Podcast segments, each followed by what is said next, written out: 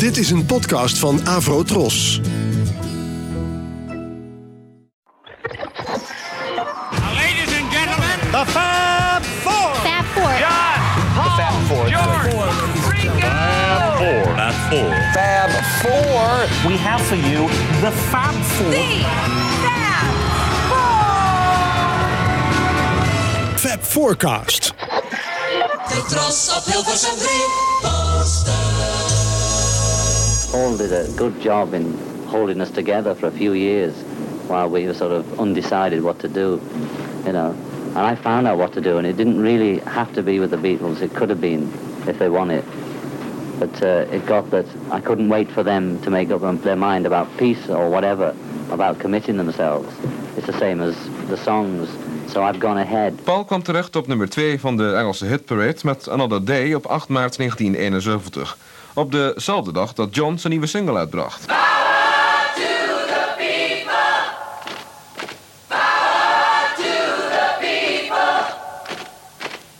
John is into a whole other thing altogether because he's really appealing to the whole underground, radical, revolutionary uh, scene in this country, uh, and uh, doing so very effectively. He has a, a wide following. Peter Asher in Amerika. In Engeland waren de mensen die de plaat kochten niet zo powerful als John hoopte. Ze kregen de plaats niet hoger op de hitparade dan nummer 7. Maar zoals John al eerder had gezegd, was de verkoop van de Beatles als groep niet zo groot geweest als de verkoop van de individuele Beatles. En niet te vergeten de eerste single van Ringo, die geproduceerd door George Harrison op 8 april verscheen. It don't come easy. It's been going around for years. See, I'm a very slow writer. I usually get a first verse, and then um, I find it impossible to get anywhere else with the song, you know. And then suddenly I'm sitting down again. I can't do. I can't go get up and say, "Well, now I'm going to write." I just have to be around a guitar or a piano with my famous three chords, and it just comes, you know. Usually, what I do if I'm in the mood, I put me tape on if I've got a tune, and then I play the same tune like a hundred times with different words, all on the tape. Then I take the tape off and get it all typed out, and then I pick the lines what I'll put together, you know.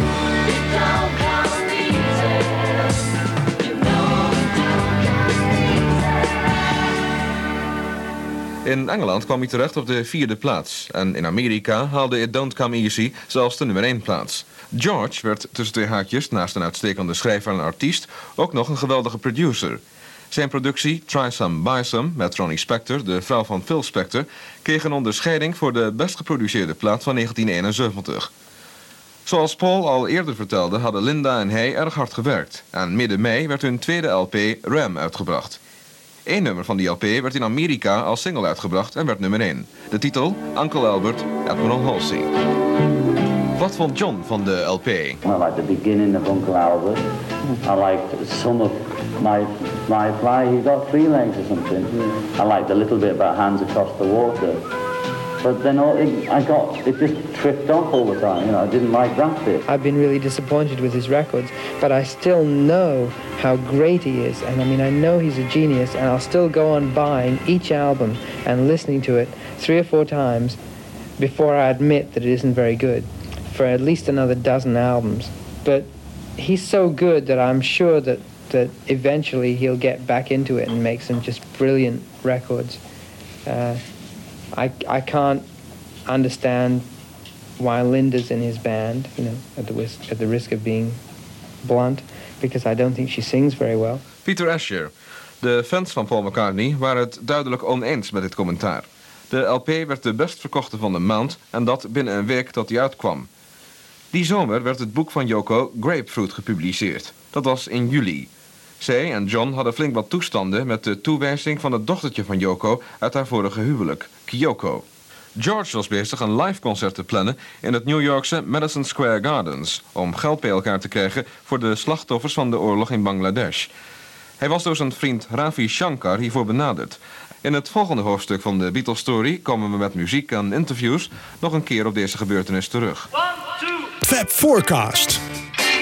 Ja, beste luisteraars. Goedemiddag, avond, ochtend, uh, waar en wanneer u dit ook luistert. We zijn hier weer met de Fab Forecast met natuurlijk... Wibo Dexma, En- Jan Kees de Brugge. En mijzelf, Michiel Tjepkema. En we hebben weer een gast, eh, de gast van de, die de vorige show ook al aanwezig was, namelijk Edwin Wendt. Edwin Wendt.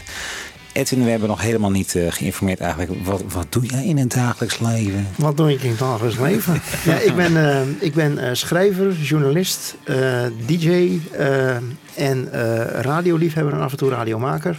Soms onbezoldigd, soms bezoldigd. Ja, En eh, dat doe ik al eh, in wisselende eh, samenstellingen van eh, meer of minder. Doe ik dat eh, de afgelopen tien jaar als zelfstandige. ah, oké. Dus je bent een soort multimedia... ehm, eh, Ga verder. Tycoon. Tycoon. Tycoon. eh, ja. Ja, Nee, op- opgeleid als journalist, Ja. maar ook... eh, en, en, gaandeweg wel Ja. steeds, eh, steeds breder eh, gaan, Ja. mezelf gaan oriënteren. En het radio maken, waar doe je dat? Eh, dat doe ik nu eh beroepsmatig nergens. Dat heb ik in het verleden wel gedaan bij eh, de KRO op eh, verschillende zenders. Eh, bij Radio Rijnmond, bij de VARA, Ja, bij de NOS, NPS op Radio 1. ja. En bij de KRO op Radio 1, 4, 2, 3. Waarom niet? Eh, Ja, nee. Bij de NCRV niet, bij de EO niet, bij Max niet. Oké. Nee, maar en bijvoorbeeld, want je hebt ook met Arjan gewerkt, Arjan Snijders veel. Ja, eh, ik heb eh, voor Arjan Snijders, met Arjan Snijders heb ik meegewerkt aan de serie op Kicks Radio over eh, 50 jaar 3FM. Dat Ja. hebben we samen gemaakt. Samen met eh Eline Maarsen. Eh, hij deed de interviews en de uitzendingen. Ik heb eh, de historie, historische audio geleverd. ja. Zoals ik dat vanavond eigenlijk ook weer doe uit mijn eigen radioarchiefje. ja, precies. Want jij hebt echt, we moeten thuis een enorm radioarchief hebben. Een enorme... ja, gelukkig allemaal gewoon in mp3-formaat. Ja. Dus handzaam. Ja, Niet op eh, cassettes en eh, banden en dat soort dingen, gelukkig meer. dus en want dat ook even, hoe, hoe, hoe, heb je deze, voor deze shows al je informatie bij elkaar gezocht? Eh, is dat allemaal makkelijk doorzoekbaar? Of je hebt het gewoon allemaal in je, in je hoofd opgeslagen? wat Ehm, allemaal ik heb zeg maar, ja, wat, wat nu, eh, waar het hier om gaat, eh, de Beatles op de radio, eh, dat zit wel eens een beetje in mijn hoofd van ja, wat is er in de loop van de tijd allemaal geweest? Dat, Ja. En dan weet ik wat ik heb en ik weet wat ik niet heb en wat ik niet heb weet ik wel waar ik het moet vinden. Ja. Ehm, sowieso wat de radio verzamelen betreft, maak ik wel deel uit van een netwerkje van eh media freaks die het gewoon leuk vinden om oude Oh. radioprogramma's te horen. Ja. En die af en toe eens te draaien. Nadruk op af en toe. Zo ben ik nu op dit moment in de auto hier onderweg, naartoe. En waarschijnlijk straks terug ook weer, tenzij ik mijn buik even van voor heb. Bezig met de Bee Gees story uit 1978 van De hetzelfde Bee poster. Gees story. Ja, het is weer iets heel anders. Ja. Waar overigens ook Brian eh, Ep- Epstein een belangrijke rol in speelt. Dus wat dat betreft is de wereld altijd weer kleiner dan Ja. je denkt. Ja. Ja. Maar het is gewoon leuk om eh, te horen waar de radio vandaan komt. En eh, net zoals ik ook geïnteresseerd ben in de muziekgeschiedenis, ben ik ook geïnteresseerd geraakt al eigenlijk vroeg, vrij vroeg in de radiogeschiedenis. Ja. En voordat we echt gaan beginnen met de show, als, als mensen nou echt denken van nou, ik zou heel graag die complete Beatles story van Veronica willen hebben bijvoorbeeld. Kunnen ze jou dan eh, contacten of zeg je van nou, begin er maar niet aan? Nou, sowieso eh, kan ik wel verwijzen naar een eh, website waar ik zelf veel op doe en heel veel andere radiofreaks ook. Dat is een website die heet Internet Radiocafé. Gewoon zoals je dat denkt dat je dat schrijft, www.internetradiocafé.nl. En daar staan, eh, zijn allerlei eh, muziekliefhebbers verzameld. En ik denk als je daar gaat zoeken op eh, Beatles Ja. Story, dat je dan sowieso geloof ik er ook afgehaald. poster Ja. tegenkomt. En Ja. wellicht kom je de Beatlesdag er ook wel tegen. Ja, Oké. Veronica En, ook. Ja. En ja, goed, een hoop andere dingen die ik hier heb, die zijn wat unieker. Want ja, ik doe dit, dit verzamelen al een jaar of eh 15 digitaal. Daarvoor was het inderdaad allemaal geklooid met cassettebandjes. En eh, Ja. voor, voor heel veel geld één bandje kopen. En dan heb je anderhalf uur en vervolgens is de ruimte weer op. Terwijl ja, zo'n computer, harde schijf is natuurlijk eh, vrij eh, eindeloos. Je kan daar eh, vrij ver mee vooruit voordat het allemaal vol is. En dan hou je ook wat makkelijk eens een keer een eh, 20 uur durende Beatles story binnen. Ja, Zonder dat je nou ooit besluit van die ga ik volgende week meteen beluisteren. oké.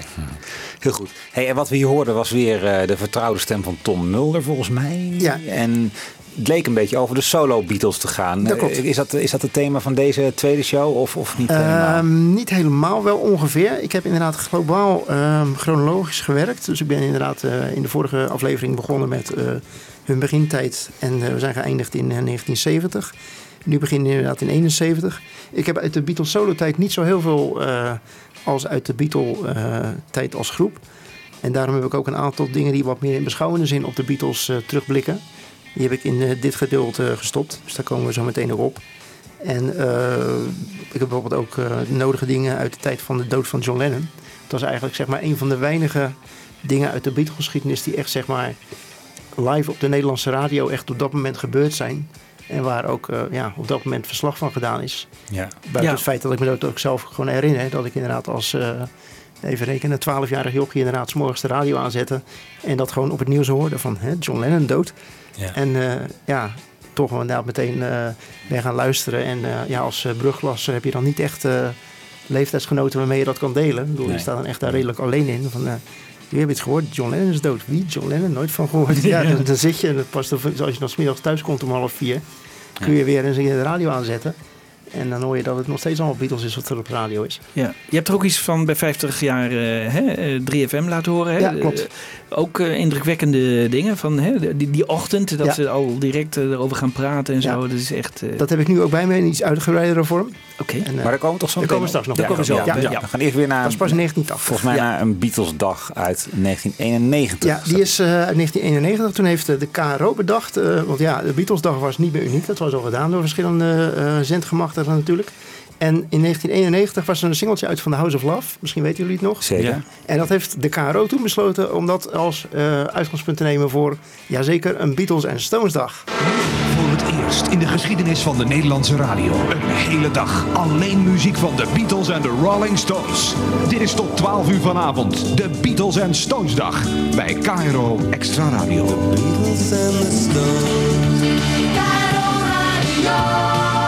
Over smaak valt niet te twisten. Ja, dat hoor je maar al te vaak. Maar laten we dat vandaag maar eens wel gaan doen. Een balletje opgooien met eh, twee echte fans. Met Jaap Hoekstra, hij is voorzitter van de Stones Fanclub. En met Arthur Martezing, hij is medewerker van Beatles Unlimited.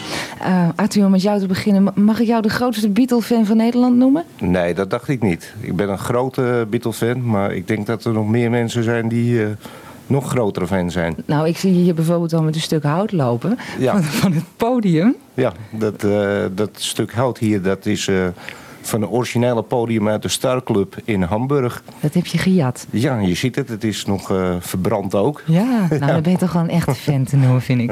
Jaap, jij de grootste Stones-fan of gek van Nederland? Ehm, ja, een grote Stones-fan. En ik, ehm, ik geef mijn collega gelijk. eh, er zijn meerdere. En Mhm. grotere inderdaad. Het gaat, er in, eh, het gaat erom hoe ver je gaat. En hoe ver ga jij? ehm, behoorlijk ver, maar eh, ja, hier en daar ook niet te ver. Nee. Maar in ieder geval eh, praat het over een stukje hout. Ik heb een lampje uit het koerhuis. Haha. 1964. Kijk, en daar begint het al tegen elkaar op. Twee uur lang, allebei van, van harte welkom.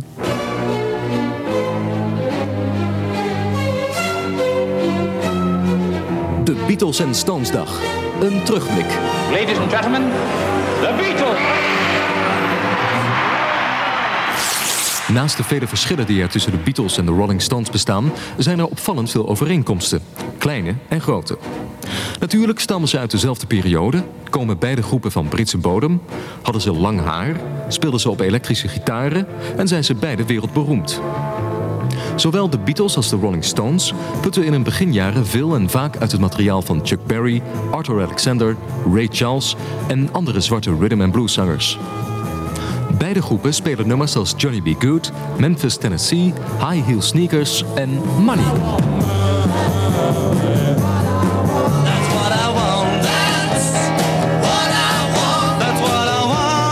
Ook in betrekkelijke toevalligheden zien we opvallende overeenkomsten. Beide groepen hebben mensen op de kunstacademie. De Beatles, John Lennon en Stuart Sutcliffe. De Stones, Dick Taylor en Keith Richard. Verder hebben zowel de Beatles als de Rolling Stones hun drummer vervangen, vlak voordat ze definitief doorbreken. Pete Best wordt bij de Beatles vervangen door Ringo Starr en Tony Chapman bij de Rolling Stones door Charlie Watts. En dan is er de manager. De eerste Stones manager, Andrew Luke Oldham, werkte aanvankelijk als assistent van Beatles manager Brian Epstein. En tenslotte schrijven John Lennon en Paul McCartney de eerste grote hit voor de Rolling Stones. De legende wil dat het nummer half af was toen Oldham namens de Stones om een nummer vroeg en dat Lennon en McCartney toen even apart gingen zitten en een kwartier later het nummer klaar hadden.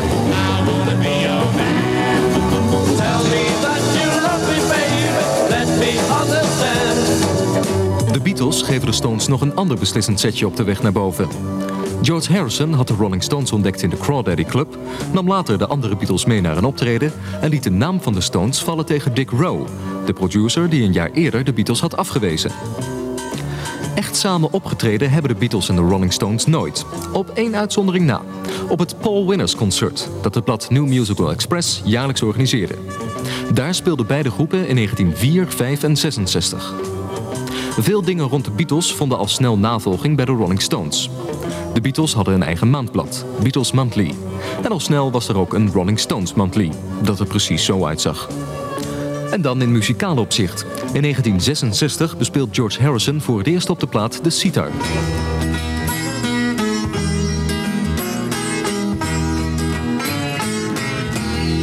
Een paar maanden later hadden ook de Rolling Stones een sitarspeler in Brian Jones.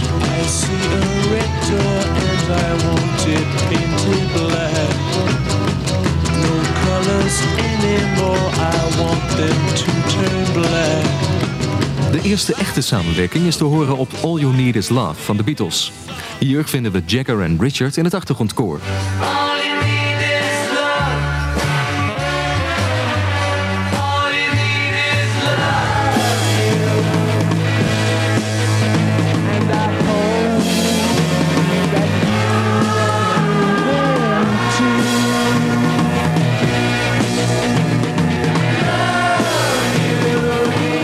McCartney doen hetzelfde in We Love You van de Rolling Stones. Op de achterkant van All You Need Is Love horen we Brian Jones. Hij speelt de saxofoon op Baby You're a Rich Man. Ja. Nou, dat is niet waar. Dat is You Know My Name. Ja. Ja, dat klopt inderdaad. Ja, zeggen ze waren dus eh, niet eh, overal even correct. Nee. Nee. nee. Overigens, eh, ja, wat dat betreft, er was natuurlijk een Beatle-kenner in de studio aanwezig. We hadden even net al even gezocht hier op internet. Hebben jullie ooit van Arthur Maltesing gehoord? Misschien luistert hij. Arthur Maltesing? Nee, Mattezing. Mattesing, ja. Ja. Nee. Ja? Dat nee, is dus de eens- Ja, het was een stuk hout van de Star Club. Zwart geblakerd. Ja. Ja, jullie kennen hem kennelijk geen van allen. Ik ken hem ook niet. Nee. Eh, Nee. als hij- ik zou zeggen, als hij luistert, laat hij contact met jullie opnemen. Ja. en wat zijn, wat, zijn, wat zijn Beatle... eh, Of als iemand weet eh, waar is- we hem kunnen vinden. Ja. Ja. Ja, bijzonder. Wij vonden het opvallende, hoe, opvallende gast. hoe weet jij, eh, Michiel, dat het mattezing is? Of Nou, dat is het enige wat je op internet vindt. eh. Oh. Maar het is inderdaad een, ja, iemand, een longpatiënt die ook in een ziekenhuiskrant schrijft. Dus verder is het niet heel erg duidelijk of het dezelfde figuur is. Nee, maar eh, het oké. is in ieder geval wonderlijk dat ze, als ze bij iemand terechtkomen, niet eh, dat ze bij hem terechtkomen. Ja, er waren natuurlijk een aantal andere bekende Beatle-gezichten al in die tijd. Ja, zeker in zeker. 91. eh, ja, René van Haarlem en dat soort... Nou ja, we zaten ja. al een paar jaar na Get Back eh, sowieso. Dus Ja. eh, Ja.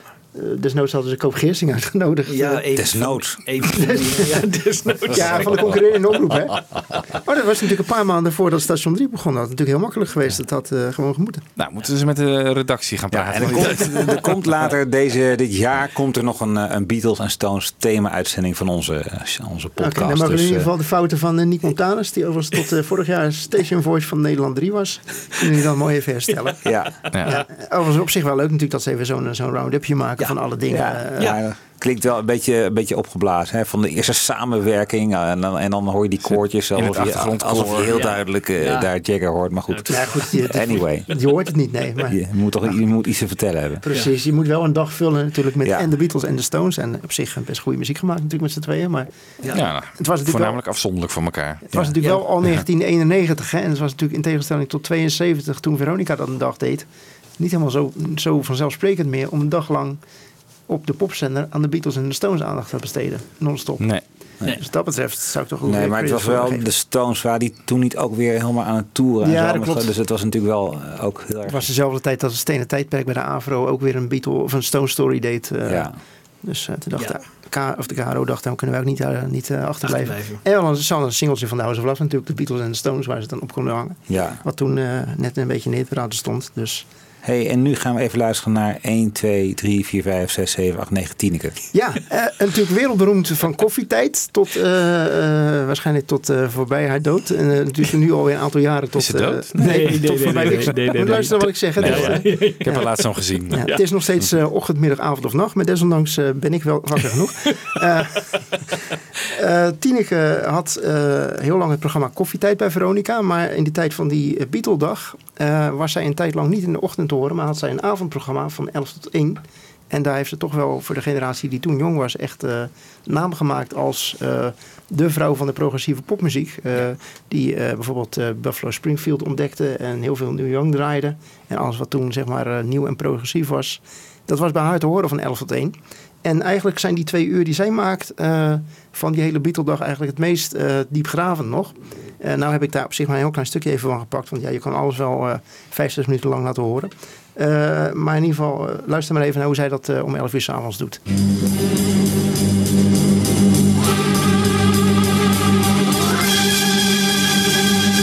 29 februari 1972. Vanaf vanmorgen 6 tot vannacht 2 de Beatles op Radio Veronica. Dit is het 18e uur. Wat je de komende twee uur bij mij kunt verwachten is eh, ten eerste gesprek van Pim Oets met George Harrison. Muziek van eh, Bangladesh, eh, de citer in de muziek van de Beatles en in het tweede uur hoofdzakelijk John Lennon. In oktober vond dit gesprek plaats met George Harrison. Nu George Harrison aan het woord over het nummer My Sweet Lord. Well, really, the idea for My Sweet Lord was from uh, the Edwin Hawkins singers, Oh Happy Day. And uh, I realized as I wrote it that there was the same chord. There's two chords in it which is the same. And uh, but I thought because the song was so nothing to do with He's So Fine. In fact, now they made a new record of He's So Fine, and they've copied the exact arrangement of My Sweet Lord, which wasn't on the original He's So Fine. So I don't know, it just gets crazy. But uh, I think the people who obviously there is some similarity anyway, but I think that the record My Sweet Lord on its own it has enough of its own qualification to be justified to do it. I don't know. It's hard to tell now. I get so paranoid because every song I hear on the radio, I can hear some other song in it, and uh, you get so paranoid because any idea you have, you start thinking, is it like something? And then you can always make it like something.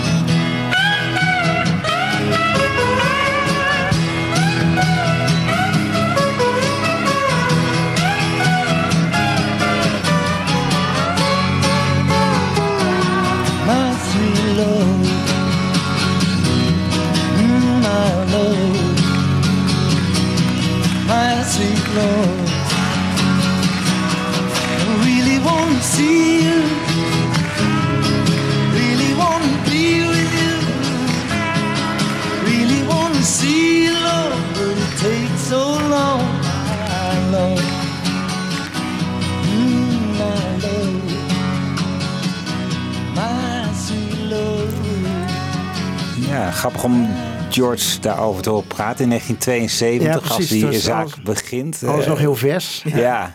En de, de- nog geen veroordeling, hè? althans nog niet, nog niet een veroordeling, klinkt zo streng, maar eh, nog geen eh, oordeel dat hij daar echt heeft geplagieerd. Dat Nee. was pas veel later. Ja. Maar dat wordt toch vroeg opgepikt door eh, Ja, is- mevrouw de Nooy. Eigen interview eh, van ze. Ja. Ja. Door Pim Oets overigens, hè, die op dat moment eh, hoofdredacteur van Oor is. Die, Had eh, hij, had hij dat voor Oor gedaan of voor Veronica? Eh, ik denk voor Veronica of voor allebei. Ja, ja. Ik denk inderdaad dat hij het heeft opgenomen. Waarschijnlijk heeft hij eh, ook voor Oor toen een artikel geschreven. En gedacht van nou ja goed, die opnames kan ik best eh, voor Veronica gebruiken. Klinkt in ieder geval goed. Ik bedoel, Precies. kwalitatief. Ja. Ja. ja. En eh, ja, het was inderdaad wel gewoon een, een redelijk diep, diepgravend uur dat, wat zij maakte. Zonder inderdaad allerlei gezeur van, goh, er komt een technicus binnen en die heeft zo naar zijn zin hier vanavond. en, dat past ook meer inderdaad bij de dagradio. Ja. Dus ja, zo. En ze Dus dat is nog wel de moeite waard om eens na te luisteren. Dat, ja, best wel. Ja. Dus dat is in ieder geval ook een andere kant van die, eh, van die Beatle-dag. En misschien ook voor sommige mensen een andere kant van, eh, van Tineke. Ja. toch wel eh, ja, in die tijd een, Ja. een muziekpleitbezorgster was bij Veronica. ja, maar geen Beatle-fan. Nee, misschien Nee, niet. nee, Nee, dat weet jij dan weer. Ja, dat weet ik, ja. Oké, ja. Eh, ander dingetje, daarvoor gaan we terug naar 1997. Eh, Radio 5 bestaat tegenwoordig natuurlijk als zender waar vooral veel oudere mensen naar worden geacht te luisteren. In 1997 was Radio 5 het verdiepende kanaal van de publieke omroep. Zeg maar alles wat, zeg maar, eh, wat verder ging dan alleen maar praatje plaatje. En wat, eh, wat minder aan de actualiteit gelinkt was dan Radio 1. Dat moest eigenlijk naar Radio 5. Daar waren echt eh, allerlei documentaires te horen. Peter van Brugge heeft er ook heel veel gemaakt. Die gewoon om 8 uur s morgens werd uitgezonden over Nina Simone of Jacques Brel. En ehm, daar had je ook het programma De Avonden van de VPRO. Wat vooral over de hele culturele sector ging. En die hebben ooit een keer een aantal mensen uitgenodigd. Die ik in ieder geval eh, evenzeer als die meneer die we net bij de KRO hoorden. Eh, ook niet ken. Eh, een boekhandelaar die heet Harry Klaassen en een Ja. grafisch ontwerper Piet Schreuders. Ken je ze Ja, wel? ja, ja. Oké. ja. Piet, Piet Schreuders die, eh, heeft die boeken samengemaakt met Mark Lewis, onder andere de Beatles in Londen. Die heeft ook met ons samengewerkt over John Lennon in het Hilton en de Beatles in Holland. En eh, die heeft, eh, dit is echt een grote Beatle-fan. En die heeft ook die hele rondvaart helemaal uitgezocht en zo. En eh Klaas is een grote vriend van hem en die ook heel erg bek- bekend is met, eh, met de Beatles. En eh, Oké. ja, als Mark Ja, Lewis, en als Mark Lewis in Nederland komt, gaat hij altijd naar Klaas en een Piet Ah, Oké, dus dat Ja. zijn erkende eh Beatle... Ja. eh, Ja. ja, nee, dat zijn echt eh, Goed grote- om te weten. Ja, nou, dat is op zich ook goed te horen in dit programma. Eh, dat programma duurt in totaal zes uur. Eh, Drie uitzendingen van twee uur. En ik heb daaruit eh, de beste 4,5 uur eh, gemonteerd. En die hoor je niet. Hebt u even, dames en heren. Ja. Nee, ik heb er een eh, aantal minuutjes uitgehaald. En daar heb ik ook de muziek die erin zit ook nog eens een keertje ingekort. Waardoor het allemaal veel sneller lijkt dan het in werkelijkheid is. Dat gaat echt de diepte in. En ook wel met een muzikologische bril. De Beatles schreven 186 songs, 21 weggevers niet meegerekend. Hoe ging dat in zijn werk? Het traditionele notenschrift beheersten ze niet. In plaats daarvan zongen ze melodieën in op bandjes en noteerden gitaarakkoorden bij hun teksten. Zeker in het begin waren de songs echte co-producties, zoals She Loves You, I Want to Hold Your Hand, From Me to You. Dan komt een periode waarin Lennon en McCartney elkaar aanvullen. Zo schreef McCartney We Can Work It Out en Michelle met als bijdrage van Lennon Life is Very Short en I Love You, I Love You, I Love You. In beide gevallen dus de middle eight. Lennon schreef In My Life grotendeels zelf, maar McCartney hielp met de middle eight en de tweede stem.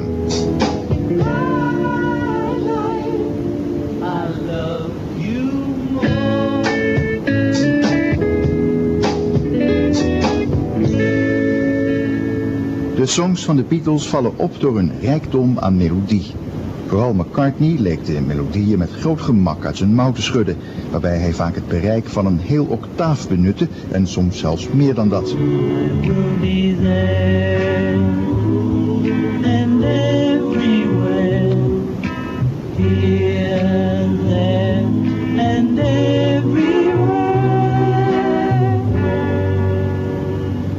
McCartney maakte ook gebruik van zogenaamde akkoordvreemde noten. Noten die niet in het begeleidende akkoord voorkomen. Wat niet gebruikelijk is in de popmuziek. De song Hey Jude heeft een akkoordvreemde noot die zo overtuigend klinkt dat straatmuzikanten, die meestal op hun gehoor werken, vaak het begeleidende akkoord aan die noot aanpassen. Hey Jude, don't make it bad. Take a sad song and make it better.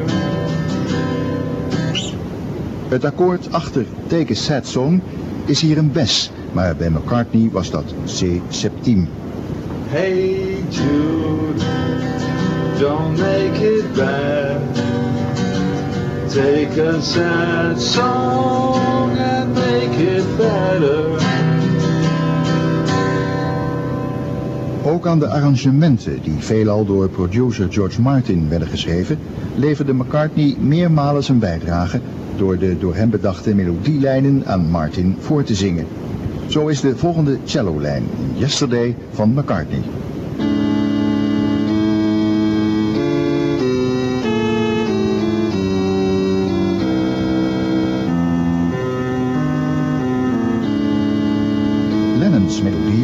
Sec gezien veel eentoniger en van een kleiner bereik dan die van McCartney, maar daarom niet minder mooi.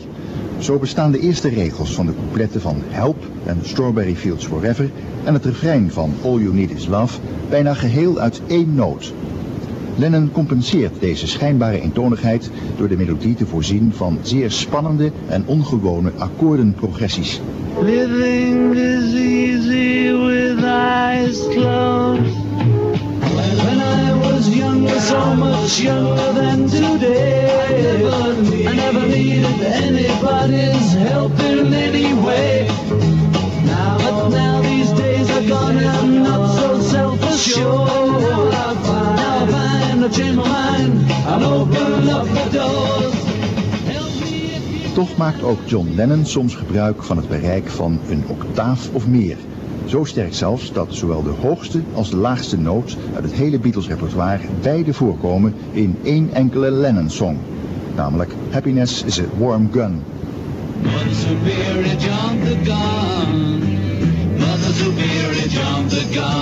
Deze laagste noot, de E, wordt slechts één keer in een andere song geëvenaard. Namelijk in I'm a Loser, eveneens van zijn hand. She was a girl in a million, my friend. I should have known she would win in the end. I'm a loser. De hoogste noot, de D, ingestreept, wordt een paar keer geëvenaard door zowel hemzelf als McCartney.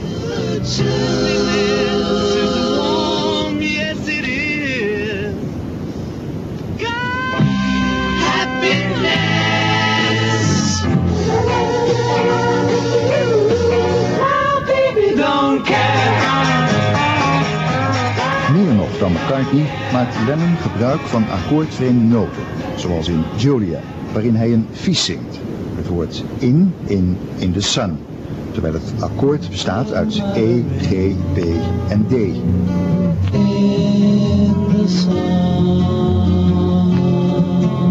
Helemaal uniek is het intro van Lennon's If I Fell.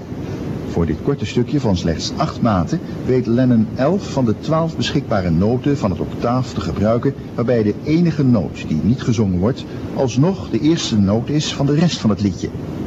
Toch klinkt het resultaat gewoon tonaal en is het door iedere leek mee te zingen. If I fell in love with you, would you promise to be true and help me understand? Cause I've been in love before and I found that love was more than just holding hands. If I give my heart Zo. Een zware kost, jongens. Ja. Dat, eh, Ja, maar ik vind het wel interessant. Ja. ja. Hele... Ja, ik kan ze volledig beschikbaar stellen als je wilt. ja, het is... eh, Nee, nou, eh, ik sla even over. Ja? Ja, het is mij te saai. Echt waar? Ja. Ja, tenminste ook de manier waarop hij vertelt en zo. Dus echt... Ja, het is natuurlijk wel een beetje oldschool VPRO, hè? Ja. Ja, Dat, eh, Ja. Ja, dat is wel. Maar... En op zich, ik vind het op zich goed dat het uitgezonden is, hoor. Gewoon, waarmee inderdaad het idee van, nou, dat moet, dat moet er ook gewoon zijn. Ja, en dat is, dat is Harry Klaas, eh, kennelijk ook de, die is muzikoloog. Hè? Dus, eh, en ik heb nog even aardig maar even te vermelden is dat hij de man is die Mark Lewson heeft gewezen op het idee om een, eh, multivolume boek over de Beatles ja. te gaan schrijven. Ja. Oh ja. Eh, dat Hij zei van, nou, ik heb hier zoiets van Maler en nou moet jij datzelfde gaan doen, maar nou over de Beatles. Dus Ja. zo is- daarom bedankt Mark Lewson, ook Harry Klaas is zijn voorwoord van het eerste deel van Tune In. Oh ja. Dus dat is diezelfde man die hierachter zit. En, eh, Ja. Ja, het is Ja. hoorbaar, denk ik. Ja. ja, Ja. Nou, Wiebo, ja, het is drie keer twee uur, joh. Dat, eh, dat, dat, dat kan je best even luisteren. Ja. Kan het niet gewoon op de site? Of mag dat niet? Nee, dat mag niet. Oh, ja. ja, voor jou niet. nee, mag voor mij niet. Oké, ik vind het goed. Nee, dat kunnen ze toch op het internet radiocafé eh, Ik kan downloaden? het erop zetten, ja. Als ik het erop zet, ja. Als, als jij het erop zet. Oké, Dat doen we nou, dan. mensen, ga daar maar naartoe. Ja. Ja, nee, goed. Ik, ik, ik vind zelf, eh, ik vind dit echt leuk. Ja, ik Dat, ook. eh, Ik vind het ook ja. leuk. En eh, ik heb er inderdaad hier eh, gewoon een paar minuutjes uitgepikt. En die vervolgens weer van 12 naar 6 minuten gecomprimeerd. Het is natuurlijk wel interessante informatie, maar gewoon, ik vind de manier waarop hij presenteert is echt bijna slaapverwekkend. Vind ik. maar moet je dit nou op zo'n Tom Mulder in Radio 10 Nee, gaan nee, doen? dat, nee, dat niet. Maar iets meer pit of iets meer eh, enthousiasme. Het is- lijkt er gewoon... Het is heel academisch. Ja, het is wel academisch, Het is te academisch. Ja, Ja. ja. Ja. Ik weet ook niet of het geloofwaardig wordt als je dit op een eh, minder academische manier gaat doen hoor. Nou, je had in die tijd, want dit is uit 1997. Ja. hè? Volgens mij had je in die tijd ook een. Voor, voor het eerst dat een Nederlands proefschrift verscheen over de Beatles. Hè? Oh ja? Oh ja. Van Oh, Gert ja. Tillekens. Ja, Ja, oh, die. Oh ja, ja, ja. Heb ja. ik pas gekocht bij, eh, nou, via, weet ik veel, de slecht of zo. Ja? Ja, dat, dat is ook echt, nou ja, echt, ja, als je niet enigszins een muzikologische achtergrond hebt, eh, niet, Niet te eh, volgen? niet te doorgronden, niet te begrijpen, nee. nee. Nee. Nou goed, ik ben dat niet. Maar zeker wat je hier inderdaad nu het effect hebt met gewoon gelijk die muziek erbij. Dat Ja. het inderdaad heeft over Dat drie, vind ik wel een drie nummers met inderdaad eh, bepaalde hoge noten. Ja, Ja. Bedoel, als je schrijft van het zijn Ticket to Ride en het zijn die. Dan neem je, dat- vergeet je het eigenlijk meteen weer. Maar op het moment Ja. dat je gelijk die fragmentjes hoort. Dat, dat is zo, maar ik heb wel toch altijd een beetje moeite met die muzikologische insteek. Als ze inderdaad bij If I Fell inderdaad al- als alsof dat effect wat Lennon daar wil bereiken eh, ook echt is van nou ik ga nou eens een keer alle noten binnen de octaaf proberen in één. eh, Nee, ja, maar, ja. Nee, hij doet alles op intuïtie Ja, natuurlijk. alles. Ja, En alleen- die vies in Julia, Julia, jongens, kom op zeg. eh, ja. Nee, maar het is natuurlijk wel Nee, leuk. dat- werkt het. Nee. Zo, is het, natuurlijk- zo wordt er natuurlijk ook naar, naar de grote componisten uit de klassieke muziek gekeken. Dus Ja. is het ook niet vreemd dat er op dezelfde manier naar de Beatles wordt gekeken. Ja, dat ze hele bijzondere dingen doen, vind ik dan wel leuk om te weten, weet Ja, je. het is aardig om te weten eh, hoe bepaalde emoties en effecten zeg maar, bij de luisteraar worden opgeroepen door iets afwijkends of zo. Dat is Ja. aardig. Ja. Ik vind het er wees niet, het zou niet, niet een eh, ander verhaal dan het verhaal van eh, waar die Piccolo, of weet dat ding, uit Penny Lane ja, vandaan ja, komt. ja, die piccolo trompet, ja. Ja, precies. Dat is ook zo- zo'n verhaal, dat hoor je dan in die achtergrond daarvan, maakt het dan levend. Ja. En de eerste volgende keer dat je dat nummer hoort, denk je van, oh ja, daar was iets mee. Ja. En dan hoef je niet eens meer de finesses te weten, maar gewoon dat je weet van, hier was iets mee. Ja, maar dat is niet een echt muzikologisch verhaal, dat van die piccolo Dat dan misschien, nee, dat misschien dan Het niet. Maar, van, hij zit op de bank, ziet dat het concert Ja, en denkt ja. van, hé, hey, dat wil ik gebruiken. nou, laat ik dan zeggen, die, eh, dat verhaal over die, die basnoten en inderdaad van het lichte naar het donker in die, in die bas. Zeker. Dat, dat hoor ik zelf, hoor dat niet, tot ik erop gewezen word. En dat vind ik wel vergelijkbaar met wat je hier hoort, inderdaad. Ja. Dus dat misschien meer dan die piccolo, inderdaad. Nou. Maar goed, ehm, dat hebben we gehad. Ehm, we gaan nog één keer naar Lex Harding toe. Die we in het vorige uur eh, al hebben gehoord, eh, geïnterviewd. Eh, hij heeft namelijk eh, die Beatles-story natuurlijk gehad in de periode dat de Beatles vooral solo bezig waren. En ik heb even een aflevering erbij gepakt die ze maakten tussen de Beatles-story door. Eh, dat waren dan zeg maar eh, tussenafleveringen die over actuele dingen in de Beatles solo-carrière gingen. En dat deed hij onder andere in januari 1974 een keer. En toen was de aanleiding het verschijnen van de Band on the Run. Luisteraars, allemaal een weer bijzonder goedenavond en welkom bij Veronica's Beatles Story. Het meest uitgebreide Beatle-verhaal dat ooit door een radiostation werd uitgezonden. Vanavond in Veronica's Beatles Story een interview van Paul McCartney dat hem afgenomen werd door een Amerikaanse journalist. En die luisterde naar de naam Gambikini. We gaan het eh, helemaal uitzenden. Het duurt 37 minuten. En er worden een paar nummers ingedraaid van de langspeelplaat Band on the Run. En ter gelegenheid van het uitkomen van die LP werd het interview ook gemaakt. Vanavond dus 37 minuten lang het grote Paul McCartney interview. The new album was recorded in Africa. What made you want to go down there? The idea originally, actually, was just to go for a bit of fun, to tell you the truth, because uh, didn't fancy recording in London again. Fancied getting out for a little while. And EMI have got studios all over the world, um, including one in communist China. But as that was a bit far away, we thought we would go to Lagos, where it'll be sunny and uh, warm, and the atmosphere will be nice. So that was why we ended up in Lagos. On the American album, I understand Helen Wheels is going to be included, and it isn't in this one. Why is that? Uh, well, the man from the American record company rang me up one day and said, Hi, Paul, uh, transatlantic call. Said, Hi, Al. His name's Al. It would have been silly to call him anything else. And uh, he said, Well, I just done the Pink Floyd, I think. And he said, We took the single off that and increased the sales by 200 units. And I think you should do it in America, you know, especially Helen Wheels going great guns over there. Put on the album. So I said, I'll ring you back tomorrow, Al. And I rang him back tomorrow. I said, You've got it, Al. Sounds good to me. And I acquiesced, as we say in the business. Which I always haven't done really, because Another Day wasn't on an album, for example. Now, I don't normally do that myself. You know, I like the idea of making an album which is just an album and then singles which are just singles, but uh, I don't have any real hard and fast rules for it. So if someone rings me up and says it'd be good to put the single on the al- album, which uh, the American record company did, they only wanted it for America, being basically selfish. So uh, I said, okay, but we won't do it on the British one. And you had considered putting Band on the Run out as a single or not?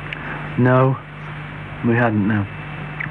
Uh, there's one track on it that's been talked about as a single, but I think probably the best thing to do is leave the album as it is and then think of another single, completely different thing, a bit later on.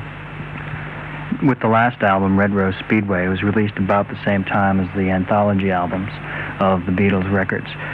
And at one point in the States, you actually replaced yourself in the number one position. Did you view that as competition of sorts? Yeah, well, obviously, you know, I had the, a new record out, and um, the old repackage records were out, and I knew they were good. I didn't actually know they were going to do that well and stuff. So when when the both records were up at the top, obviously I was chuffed to see mine did even better than the Beatles stuff, which I knew was great stuff. So yes, I was very pleased with that. You say it's not not from the competition thing of kind of knocking the Beatles off the top or anything, you know, but just because um, there was a there was a danger that uh, our record wouldn't do, the new record wouldn't do as well because of the old one, and that was a bit of a hang-up, you know, you're past catching up with you kind of thing. Ja, voor de duidelijkheid. eh, de Anthology bestond natuurlijk nog niet in 1974. Dat gaat over de rode en blauwe dubbelen. Die eh, net in 1973 waren verschenen in april. En die werd Anthology genoemd. Die werden toen die Anthology genoemd. Wat natuurlijk op zich een gewoon normaal Amerikaans-Engels woord is voor een terugblik. Ja. En ja, dat waren toen de Beatles terugblikken. Natuurlijk de officiële Beatles terugblik Ja. dubbel LP's. Ah, dus, eh, dat had ja, het woord Anthology is natuurlijk pas door ons in 1995, of 1995 besmet geraakt eh, door wat het later was. Dus ja, ik vind het wel leuk van wat hij hier zegt inderdaad. Dat hij inderdaad eh, er niet mee zit. Dat hij eh, eigenlijk bijna door eh, zijn eigen oude beentje van de nummer 1 positie wordt afgehouden. Maar gelukkig dan toch weer net wel ze overtroeft. Dat vindt hij dat wel weer leuk. Blijft McCartney natuurlijk. En ehm, ja goed, over die singles ook. Hè? Want eh, er zouden geen singles van eh, Band on the Run afkomen, zei hij hier. En inmiddels weten we dat daar in ieder geval twee Amerikaanse nummer 1's afgekomen zijn. Ja. Ja, ook dat is leuk. Ja. Ja. Jet en Band on Run. Ja. Van En- Jet weet ik het niet zeker trouwens, maar Ben on Run was wel een nummer was een 1 nummer 1 hit. hit inderdaad. Ja, dat eh, was Ja. in ieder geval... Is, is Maar Jet was een grote hit. is sowieso wel een single Ja. geweest. eh. Ja. In ieder geval heb ik, ik heb hem thuis, dus het is een single geweest. Zeker. En, ehm, of die ook in Amerika een single is geweest, dat weet ik dan weer niet. Ja, volgens mij wel, maar niet een nummer 1 hit volgens Nee. mij. Maar het blijft een beetje een stijlbreuk hoor. Helen Wheels op, op, op Band on the Run, vind ik. Ja, zeker na afloop toevoegen. Dat, Ja. dat, deed- dat is natuurlijk sowieso Ja. zelf nooit. Nou ja, McCartney wilde het op die reissue van die archive-series ook niet op de Nee. CD Nee. hebben. hè? Nee. Oké. Nee, Dat is waar. Ja, Dat is waar. echt, Goed, over tien jaar komt er natuurlijk weer een nieuwe box uit. En dan, dan, dan, dan is opeens het verhaal Band on the Run zoals hij het altijd bedoelt. Ja, nee, dan, dan kunnen ze het er niet meer vragen waarschijnlijk. Dus dan kunnen ze alles zeggen. Ah ja, denk je dat hij eh, er over weet- tien jaar niet meer is? Ik zou zo, nou, je weet het. Dan was alleen Ringo er toch nog, hoorde ik pas bij jullie. Ja, als de Beatle. Ja. Oh ja, oh, dan hebben we dat gezegd. Ja. Ja. Ja, Ja. Ringo is wel het fitst inderdaad. Dus, Ja. Samen met Mick Jagger leeft hij dan nog zijn enige twee. Ja. Oh, dat zou wel een te gekke band zijn. One, one pina colada a day keeps the doctor away. Hè? Dus dat is... eh, Ja. Ja, goed. Nou, dat is in ieder geval eh, een manier waarop er zeg maar, in de Beatles eh solo-tijd eh, tegen verschillende Beatles werd aangekeken. Eh, Radio Veronica, Beatles Story. Ja. Met een, eh, een sub-aflevering tussen de langlopende Beatles Story. Een keertje over een solo-jaar. of activiteit zoals het ook over eh, Ringo Starr en over George Harrison in die tijd eh, afleveringen geweest zijn. Over John Lennon ook natuurlijk. Eh, dan even naar ehm, Felix Murders. Want ehm, ik heb, zoals jullie in de vorige aflevering konden horen, heb ik eh, Lex Harding geïnterviewd. Over zijn eh Beatle-verhalen als radiomaker. Felix Murders heeft ook een langlopende carrière gehad. eh, van 1968 tot 1986 om precies te zijn als DJ. En daar zat sowieso natuurlijk een begintijd in die eh, ook was toen de Beatles nog als band bestonden. En hij heeft eh, de periode meegemaakt dat eh, John Lennon eh, doodging toen hij op de radio was. Over een aantal van die dingen heb ik het met hem gehad. En eh tegenstelling tot eh, Lex Harding heb ik hier het interview niet zo schoon geknipt dat je de vraag meteen eh, door eh, Felix wordt beantwoord. Dus je hoort eerst mijzelf hem introduceren bij deze. Oké. Felix, hartelijk welkom eh, in de Fab Forecast. Je hebt een aantal keren in je radiocarrière met Beatle-projecten te maken gehad.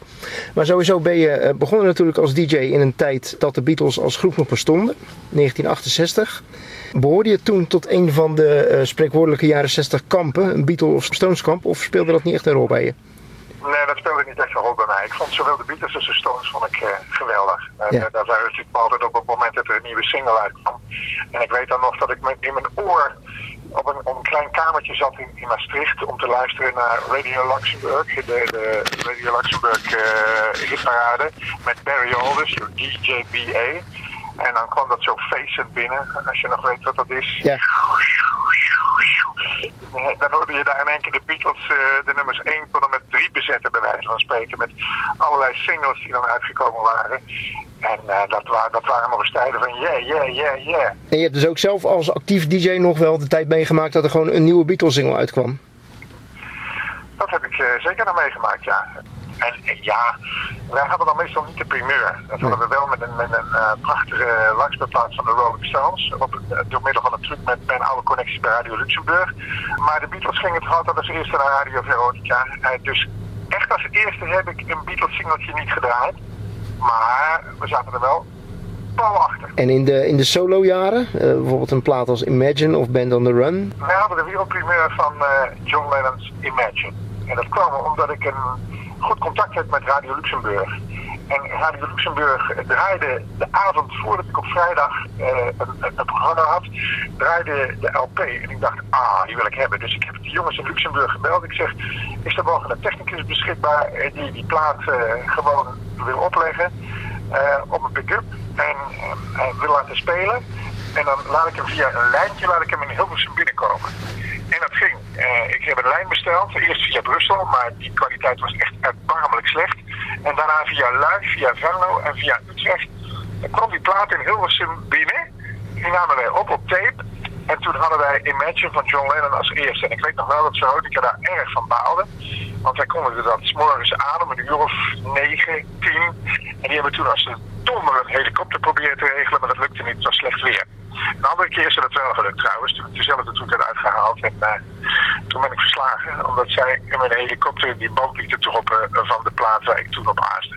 Ja, dat waren dan de eh, zogenaamde ja, concurrentieactiviteiten. Ja. Overigens wel in alle vriendschap eh, vertelde Felix mij hoor. Dat, eh, het was niet dat ze elkaar nou echt het leven zuur maakten.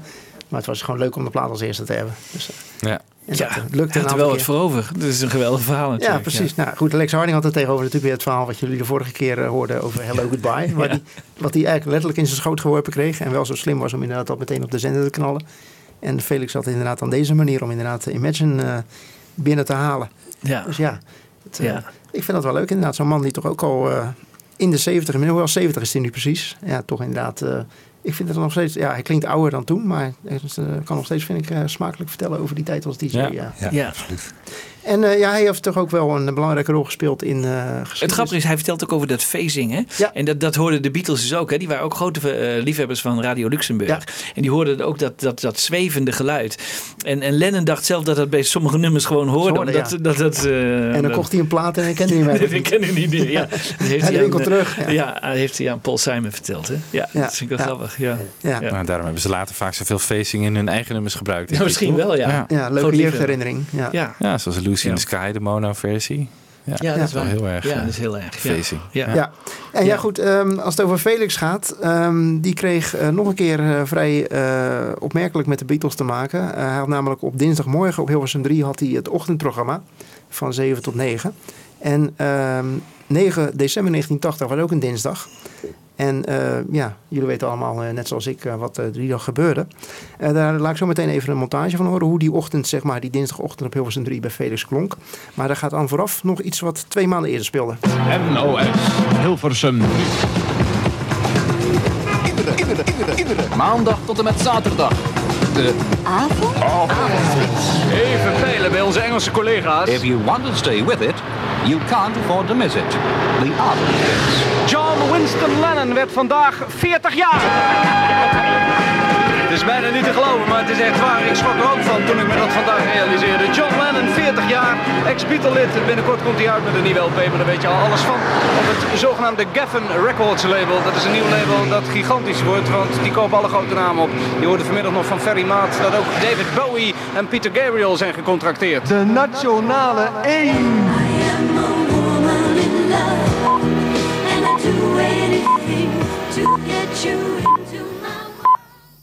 Het is 8 uur. Radio Nieuwsdienst verzorgd door het ANP met een korte uitzending. In New York is de popmuzikus en zanger John Lennon doodgeschoten. De oprichter van de voormalige Britse groep The Beatles. Hij is 40 jaar geworden.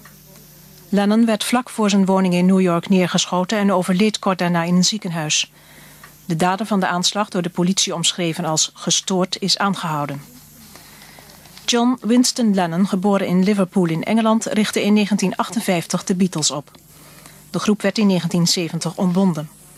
John Lennon maakte daarna nog verschillende platen, de laatste met als titel Double Fantasy. De dingen van de dinsdag. 9 december 1980, ik wens je een goedemorgen.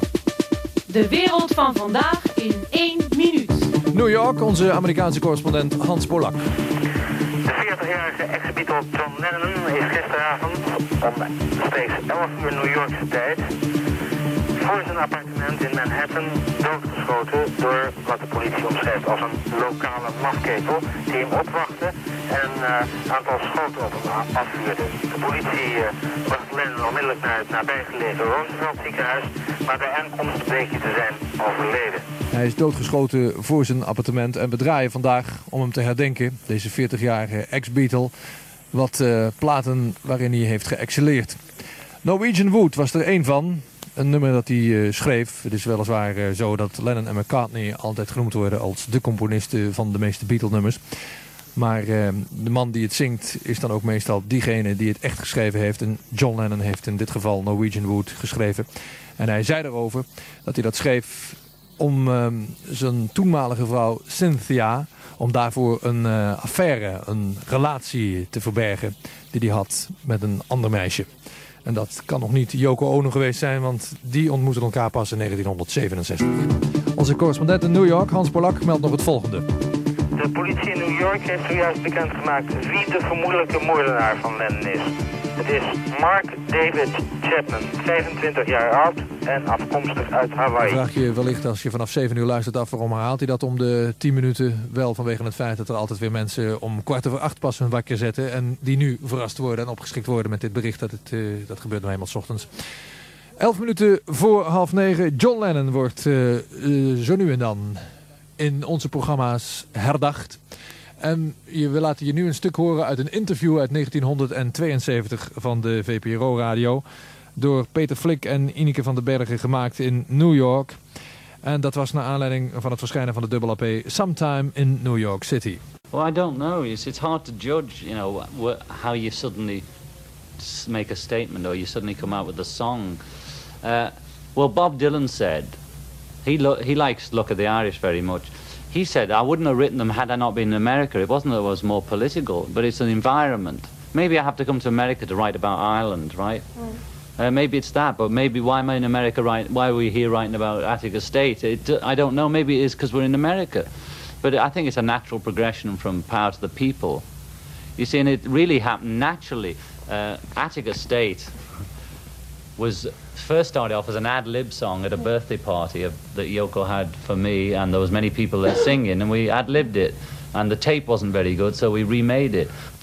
Dat was eh, Lennon. Over Attica State en Luck of the Irish. Dit is eh, overigens een van de eerste opnamen van eh, Luck of the Irish. Misschien kunnen we die zo meteen nog wel even goed laten horen. En ehm, hij antwoordde op een vraag of hij zich steeds politiek bewuster ging opstellen. Naar aanleiding van onder meer Luck of the Irish en Attica State. Ik heb eh, twee mogelijkheden. Luck of the Irish van de dubbel LP Sometime in New York City. Maar het lijkt me aardiger om deze, die eigenlijk niet op plaats staat, even te laten horen. If you had the luck of the Irish, you'd be sorry and wish you were dead. You should have the luck of the Irish, and you'd wish you was English instead. Thousand years of torture and hunger drove the people away from their land. Land full of beauty and wonder was raped by the British brigands. Goddamn, goddamn. If you could keep voices like flowers, Dat was een opname van VPRO Vrijdag uit het jaar 1972. Ja. John Lennon overleden dus. En een hoop geïmproviseerd op zijn dinsdagochtend, zoals Ja. je wel kunt horen.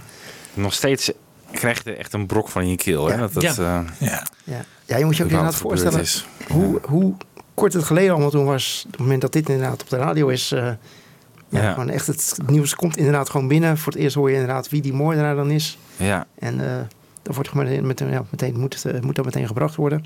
En ook inderdaad luisteraars die dan gaan bellen van... joh, waarom wordt dat steeds opnieuw herhaald? Eh, ja. ja. Een bizarre ochtend moet het geweest zijn. Nou, ik kan me inderdaad herinneren. Dat, eh, ja. Want in, in Amerika horen ze het dus... eh, Ja, zit ik ook tijdens een, een baseballwedstrijd. Hè? Ja, Monday Night Football. Of, Ja. ja. Ja. Ja. En wat is het tijdsverschil dan? Wel, Zes uur. Zes uur, dus... eh, In Nederland was het half zes 's morgens dat het bekend werd. Half zes 's ochtends. Ja, dit is, dat is inderdaad. Wow. Ja, en eh, Felix Meurders heeft het ehm, Enfin, dat zit ook nog zeg maar, in een- in een stukje interview dat ik zo meteen nog even met hem laat horen. Die heeft het van Karel van der Graaf gehoord. Die had een nachtuitzending van eh, maandag op dinsdag. En die heeft toen Felix Murders ingelicht van, joh, eh, werk aan de winkel. Ja. En eh, ja, die is toen verder aan de slag gegaan voor zover dat inderdaad kon in de tijd voor internet. En ja, wat moet je? Eh, je kan niet zeggen, ik eh, ga eens even internet op en ik ga even wat dingen tevoorschijn Nee. toveren. Nee. Nee. Je moet het doen met je eigen platen en met je telefoon. En eh, ja, Ja. Wie, wie neemt er op? En tapejes uit het archief halen en zo van de VPRO op zich. Ja. Ja, want hoe komen ze nou aan deze opname van Attica Steen? Het was de Ja, die was van de Irish. VPRO, denk ik VPRO, dus. ja. Ja, dus... eh, Maar vergeet niet dat officieel... En van het liedje, dat was volgens mij een soort, toch een bootleg versie. Nee, nee, gewoon een eigen opname van de VPRO. Oh, echt? Ja. Heeft, hij, heeft Lennon dat gewoon voor hun gespeeld? Ja, ze zijn daar naartoe gegaan eh, om een opname te maken. Interview voor eh Sometime in New York City. En daar hebben ze Attica State en eh Luck of Yours gespeeld. Oh. Ja. Ja. Dat circuleert ook wel in eh bootlegland, die opnames? Of, Vast wel, ja. Ik bedoel, Ik heb in ieder geval deze radio-opname waar het in voorkomt. Dus, eh, Wel mooi, mooie versie. Ja. Ja. Ja. ja. Maar goed, wat je nu inderdaad, hoe, hoe dit nu precies in de praktijk gegaan is, weet ik ook niet. Want hij vertelde dus inderdaad dat het half negen 's morgens is. En ik weet wel in ieder geval dat de fonotheek van de NOS, zeg maar het huidige beeld en geluid, waar alles in zit. eh, zeker om negen uur open was. Nee, om tien uur. Tien uur. En het programma duurde, het ochtendprogramma duurde sowieso tot, sowieso tot negen uur. Ja, maar in noodgevallen konden ze erin. Dat weet ik wel. Nou ja, maar goed, dan moet je wel Ja. even de juiste mensen zien te Ja, overtuigen van het feit dat het nood, noodgeval is. dat is hè? waar, dat is waar, dat is en het was geen, eh, geen grote de klassieke muziek die dood overleden was. Dus eh, het was nog maar 1980. Dus ik denk dat er aardig wat... eh, Dat denk ik ook. De mensen die daarover gingen, die hadden misschien nog nooit van John Lennon gehoord. dus, eh. Maar goed, daar heb ik ook Felix Murders wel even nog wat vragen over gesteld. En misschien kunnen we dat nog even in het eh, vervolg van het interview beluisteren. Ik heb zometeen nog wat meer opnames trouwens uit die eh, dagen na het overlijden van John Lennon. In 1980, in december van het jaar, overleed John Lennon. Dat was eh, in Amerikaanse tijd op een maandagavond laat. In Nederland was dat dus de nacht van maandag op dinsdag. Je deed toen op eh, de VARA dinsdag het ochtendprogramma. En dan kan ik me voorstellen dat je dus om een uur of vier, vijf s'nachts opstaat. Hoe kwam je er toen achter dat het niet echt doorsnee dinsdag zou gaan worden? Nou, ik stond wat later op. Ik denk ongeveer kwart voor zes. En ik werd een half uurtje later werd ik gebeld door Karel van der Graaf. En die zei, eh, heb je het gehoord? Ik zei, wat dan? En hij vertelde me het verhaal dat John Lennon was neergeschoten in New York. En hij zei, ik, zou maar alle Beatle-platen meenemen, want de discotheek is natuurlijk nog dicht. Nou, dat heb ik gedaan. Ik heb gelukkig eh, alle Beatle-platen eh, bij elkaar staan. En ik kon ze dus heel snel op mijn eigen discotheek eh rozen. En daar ben, ik naar, naar gegaan. En toen hebben we snel overlegd met de toenmalige programmaleider van Hilversum 3 bij de VARA, Willem van Beuzenkom, inmiddels overleden. Willem had ook een, eh, een eigen DJ-programma. En eh, ja, wat gaan we nou doen? Want eh, gaan we nou de hele dag Beatles draaien of doen we eens in de drie platen Beatle-nummers? Het laatste is het geworden. Eigenlijk heb ik er achteraf nog steeds spijt van. Ik vond eigenlijk dat die hele ochtend Beatles zouden moeten draaien. Maar het vervelende is, we konden weinig toevoegen. De correspondent uit de Verenigde Staten die was bereikbaar, maar die nam niet op. Ehm, eh, ja, tegenwoordig heb je natuurlijk Twitter en eh, je hebt Facebook en al dat soort eh, internetkanalen. Je kan googlen dat het een lieve lust is.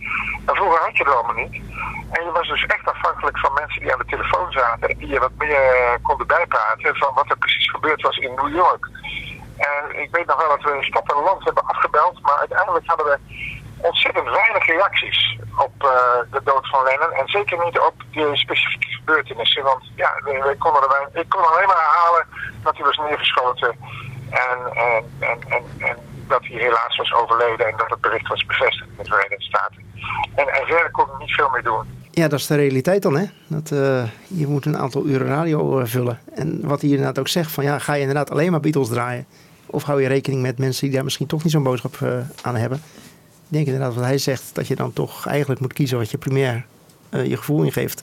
Doe dat gewoon alleen maar Beatles draaien en dat is op dit moment even het belangrijkste. Ja. Ja. Hoewel wij daar misschien als grote Beatles-fans, eh, gro- grote Beatles-fans misschien ook niet helemaal eh, objectief naar kunnen kijken. Maar Tegenwoordig zou ik denken, denk ik een derde deskundige in de, in, in de studio halen, toch? Eh, gewoon Ja. Ja. een pratend Ja, hoofd die, Ja. die, die veel vol, vol praat over Ja. het leven. En, Ja. Ja. ja. die is sterker nog, die zet je dan gewoon in een studio van een lokale omroep en je zit een schuif open. Ja. Ja. Maar er bestond nog geen lo- lokale omroep in 1980, hè? Nee. Dus het is allemaal zo'n andere tijd al dat Ja. dit gebeurd is. Jullie denken waarschijnlijk ook van, het was nog maar relatief kort geleden dat dit Ja, gebeurd maar is. het is toch de prehistorie Echt de van prehistorie. Ja, ja. Ja, en dat hoor je hier toch wel aan, aan allerlei dingen. Ja. Want ja, inderdaad, zo'n zo'n pratend hoofd. Je had ook allerlei muzikanten nog kunnen bellen, desnoods. eh had, Dat was misschien ook wel logisch geweest eigenlijk. Van, eh Had desnoods zijn Hofstede van de Nits gebeld. eh, van Ja. Jotvi Ja. van. Ja. Ja, Ja. Die waren toen ook al bekend. Ja. Eh, wie kun je verder bedenken? Eh, Siska Peters. nou ja, goed, des, desnoods die zanger van Stars of 45. Bart Nee, ja, nee, nee. Ja. Maar je, je had inderdaad mensen hè, die, die ze al hadden ontmoet of zo in 64. Of in 69, hè. Ja. Eh, ja. Nou ja, het was sowieso, sowieso natuurlijk ook bijzonder dat ze die opname van de VPRO even tevoorschijn hadden, hadden getoverd. Ja. Van joh, had is noods misschien die, die man even gebeld, Peter Flik. Ja. Joh, Inigo Bergen, ja. Aan de andere kant, die mensen hebben natuurlijk ook niet, die hebben geen nieuws of zo. Maar ze Nee, kunnen misschien wel je iets over de een persoon reactie, vertellen. een reactie ja. van wat, gaat, wat gaat er door je heen, zeg maar, de eeuwige sportvraag. Ja. Is natuurlijk gewoon, gewoon van belang. Ja. Ja, ik ben ook benieuwd wat op zo'n dag eh Hilversum 1 gedaan heeft eh, als actualiteit. Of dat inderdaad ook alleen maar het nieuwsbericht was. Of dat die Ja. wel verder kwamen. En of daar, nu zou je ook zeg maar, meteen een overleg hebben tussen eh, de nieuwsredactie van Ja. een eh, actualiteitenzender en de popzender. Ja. Dat zou ook Zeker. allemaal, het zouden Ja. dezelfde mensen zijn. Zit- Ik heb nog een tapeje thuis, eh, twee tapejes van iemand die is de hele dag gaan tapen. Alles wat hij maar hoorde over eh, de dood van Lennon heeft hij toen getaped. Dus eh, die moet ik nog eens even terugluisteren. Ja. En er zal ook ongetwijfeld Radio 1 eh, bij zitten. Ja. Daar ben ik inderdaad benieuwd. Ik heb inderdaad alleen maar dingen van drie. En Ja. eh, overigens heb ik één ding van, van één. Tenminste, wat, wat toen Hilversum 1 was, dus het huidige Radio 2. Eh daar deed Ad Visser toen, de, de Avro had op dinsdag uitzending op Radio 2. Of Hilversum 1 bedoel ik. En hij heeft Ad Visser toen samen met Jan Steeman s'avonds nog een half uurtje plichtmatig in elkaar gefietst. Oh ja. En daar op alle mogelijke manieren aan te horen dat ze daar eh, eigenlijk geen trek in hadden. En ook dachten van ja, we zitten nu op de verkeerde zender eigenlijk de goede dingen te doen. En eh, het is allemaal door de varen al gedaan. Oh. Dus eh, ja, laten we maar even een uurtje, een half uurtje met elkaar fietsen. Maar omdat het moet. Ja. Maar dat, dat heb ik ook maar even, dat is uiteindelijk eh, in de schifting is dat ook eh, over de rand gevallen. Ja. Ja, want ik heb nog wel een aantal andere leuke dingen. Eh, want de VARA is dus wel zeg maar, de hele dinsdag verder gegaan. Ehm, met, ja, inderdaad, zoals eh, al gezegd werd, eigenlijk om de drie platen een Beatle-plaat draaien. Maar naarmate de dag vorderde in de avonduren werd wel eh, ruimte gemaakt voor gespecialiseerde programma's. En Willem Meuzenkom die had ook een, eh, een albumprogramma in de avond, de LP-tuin. En daar heeft hij zeg maar, het eh, verhaal van Lennon een beetje verteld. Ook gelardeerd met het toen nog maar twee dagen oude interview eh, van Andy Peebles, waar hij toen ook al fragmenten van had. Dus daar zat hij dan wel redelijk bovenop. En daar heb ik nu een fragmentje van. Chronologisch ga ik het niet doen, deze twee uur. Ik zal nu dan grepen doen uit alle jaren, zowel uit de Beatle-periode als uit de John Lennon-periode. En ik eh, stap nu eventjes naar 1966 en naar het interview van Radio 1-presentator Andy Peebles, wat hij net nog maakte voordat John Lennon gisteravond werd vermoord. De vraag van Andy was: Was je tevreden met je leven ten tijde van de Beatles? What year was it? 66? 66. Well, you'd have to tell me what End the Beatles of. had out then, and I'll tell you what mood I was in, because I, I only remember things by what tracks were out. It's just that going on record, you'd said at that time, after you'd done, I think I'm right in saying the film How I Won the War, you've said in the press recently that Yeah. at that stage you actually genuinely wanted out from the Beatles. The pressure was all too much. Well, it, it wasn't so much the Oh, pressure, it was the that. boredom, you know. Uh, after the Beatles' last tour, which was 65, I think, was the, the one where the Ku Klux Klan were burning Beatle records, and I was, you know, held, held up as a Satanist or something. Uh, then we decided no more touring, that's enough of that. I'm not going to put up with it. And I was dead nervous, so I, I said yes to Dick Lester that I would make this movie with him. I went to Almeria, Spain for six weeks, just to, because I didn't know what to do. You know, how, what do you do when you don't tour? There's no life. Hmm. Because I've been on the road for. And that meant a lot to you, didn't it? Well, it wasn't that I wanted to tour so much, but I didn't know what to do. What what the hell do you do all day? You know, I mean. so I went. I did the movie, which was boring as hell, and six weeks there. But I was really too scared to walk away. I was thinking, well, this is like the end, really. You know, there's no more touring. Uh, that, that means there, there's going to be a blank space in the future at some time or other. That's when I really started considering what can one do? Uh, considering the life without the Beatles, what would it be? And I spent that six weeks thinking about that. Ja, en eh, Strawberry Fields schrijven, hè, weten Ja. we inmiddels. Ja. Ja. Ja. Ja, nou goed, die, eh, dat interview van Andy Peebles is inderdaad eh, toch even snel eh, uit Engeland eh, vandaan gefietst op de een of andere manier. Het zal ook wel via een lijntje gegaan zijn. Eh, dus ik denk dat ze dat dan, dat dan toch wel redelijk snel gedaan hebben. Binnen die halve dag. En ze waren natuurlijk waarschijnlijk ook niet de enige die bij de BBC aanklopte op dat moment. Ja. met dat Ja. verzoek. Ja. ja, tegenwoordig zou je zeggen, stuur even een eh, mp3'tje via WeTransfer. Maar Ja. Zo Want die Peebles was een, was een BBC-journalist die in New York was gevestigd, of niet? En die, ehm, Nee, volgens mij Nee. niet. Was hij Gewoon speciaal ervoor. Ja, eh, ja, nou, nou, of hij was voor de Elephant Man van Bowie, volgens mij. Oh ja, eh, dat verhaal, première. ja. Was hij daar naartoe gegaan. En Toen heeft hij Lennon ook even meegepikt. Precies. eh. Dus wel een BBC-man die naar Ja. New York was. Ja. Ja, maar hij was op weg terug naar Engeland toen eh, de moord plaatsvond. Ja. Ja. Zat hij in het vliegtuig. Ja, ik weet inderdaad nog wel dat hij ook expliciet eh, de groet moest doen aan allerlei BBC-mensen. Zoals inderdaad Brian Matthew had eh, Lennon tegen hem gezegd: van je kent die mensen. Oh ja? Ja, want ja, de- de- ja hij was van de BBC en hij, zei, hij kende natuurlijk allerlei BBC-mensen uit zijn jeugd. Uit, de- uit de tijd van de, de Beatles en de Beep. Wat natuurlijk al 15 jaar geleden was toen. Ja. En eh, Kenny Everett misschien ook wel. Dat, eh, dus dat heeft hij nog gezegd. Maar Ja. Wiebo die vertelde, dus interessant. Hij, hij vloog terug op het moment dat Lennon vermoord. Dus dat is die nacht geweest. Dus toen is hij aangekomen. Toen heeft hij waarschijnlijk die, die tape direct afgegeven of zo. En Ja. die is ook dan nog op dat moment verspreid. Nee, nee, dus dat is ja. dan- hè? En Ja. die is ook nog eens een keer in Hilversum terechtgekomen. Dat vind ik toch wel Dat is bijzonder. wel inderdaad, ja. Ja. Ja. met de techniek van toen. Ik, eh, Ja, dus dat zal wel weer via zo'n lijntje gegaan Ja. zijn. Zoals, zoals Meurders dat Ja. dan deed. Ja. Jee, ja, dat is wel bijzonder. Ja, nou goed, het is een- 6 december opgenomen, de, het interview. Ja. Ja. En ja, 9 december laat dus eh, uitgezonden. Ja. Ja, Ja, ik neem aan dat bij de BBC ook wel die dag, eh, neem ik aan. Dat, eh, dat lijkt mij wel, Ja. ja. Ja. ja. ja. En waarschijnlijk in Amerika ook. Of ze hebben het van de BBC getaped. Dat zou kunnen, dat ze het ontvangen hebben. Dat kan er niet in deze kwaliteit, hè? want de BBC Nee. was natuurlijk, ehm Ja. volgens mij in die tijd was dat niet op FM te ontvangen. Nee. In. Nederland. Nee. Dat, dat was alleen maar weer, ja. Ja, Ja, nee, je had dus nog geen kabel. Nee, nee, dat is allemaal nee. ongelooflijk. hadden we nog geen kabel, hadden we hadden nog niks. Wat was het voor oertijd, joh. Ja. ja, zoals Tom Wilde net al zei, eh, de mensen droegen nog kort haar, gingen nog op zondag naar de kerk. Dat was in de vorige aflevering, hè? Ja. Oké, nou goed, zo, zover over eh, Willem van Beuzenkom op de dag zelf dus, eh, 9 december. Ehm, ja, er waren toen eigenlijk verschillende radiodagen in Nederland. eh, eh, ja, de, de omroepbestel was inderdaad toen verticaal geprogrammeerd. Elke Oh ja. dag een andere, andere geluid.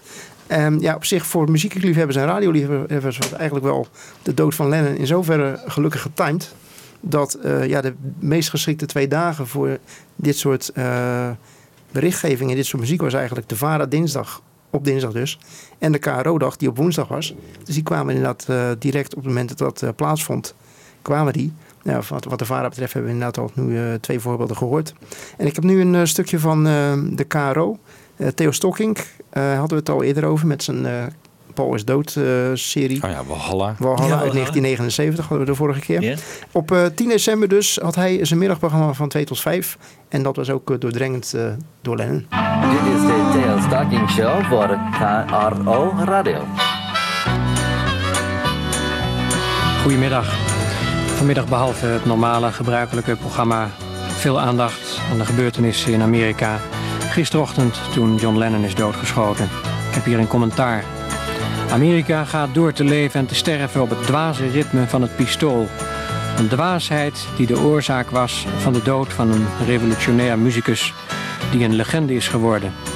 Zijn dood betekent een zware slag voor de generatie aan wier vorming hij heeft bijgedragen.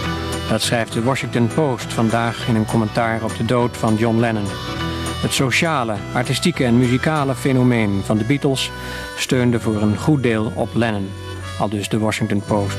Hij laat een rijke en eeuwige muzikale erfenis achter, die nog generaties lang zal doorklinken. Laatste woorden van John Lennon. I'm shot, ik ben geraakt.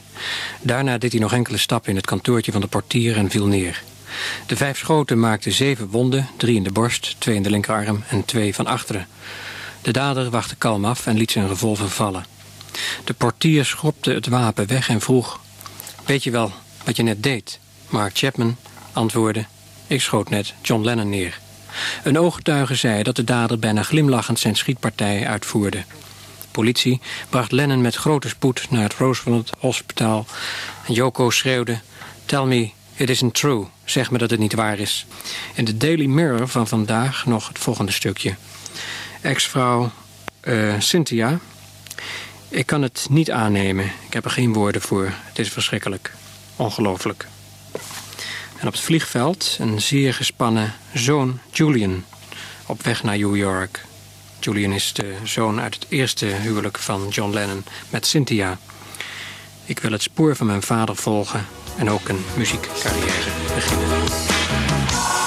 It's time to spread our wings and fly. Don't let Just like starting over, slot van dit uur. We laten ook nog even de eerste reacties horen die we op, eh, in Liverpool vastlegden. Ook alweer dankzij BBC en VARA.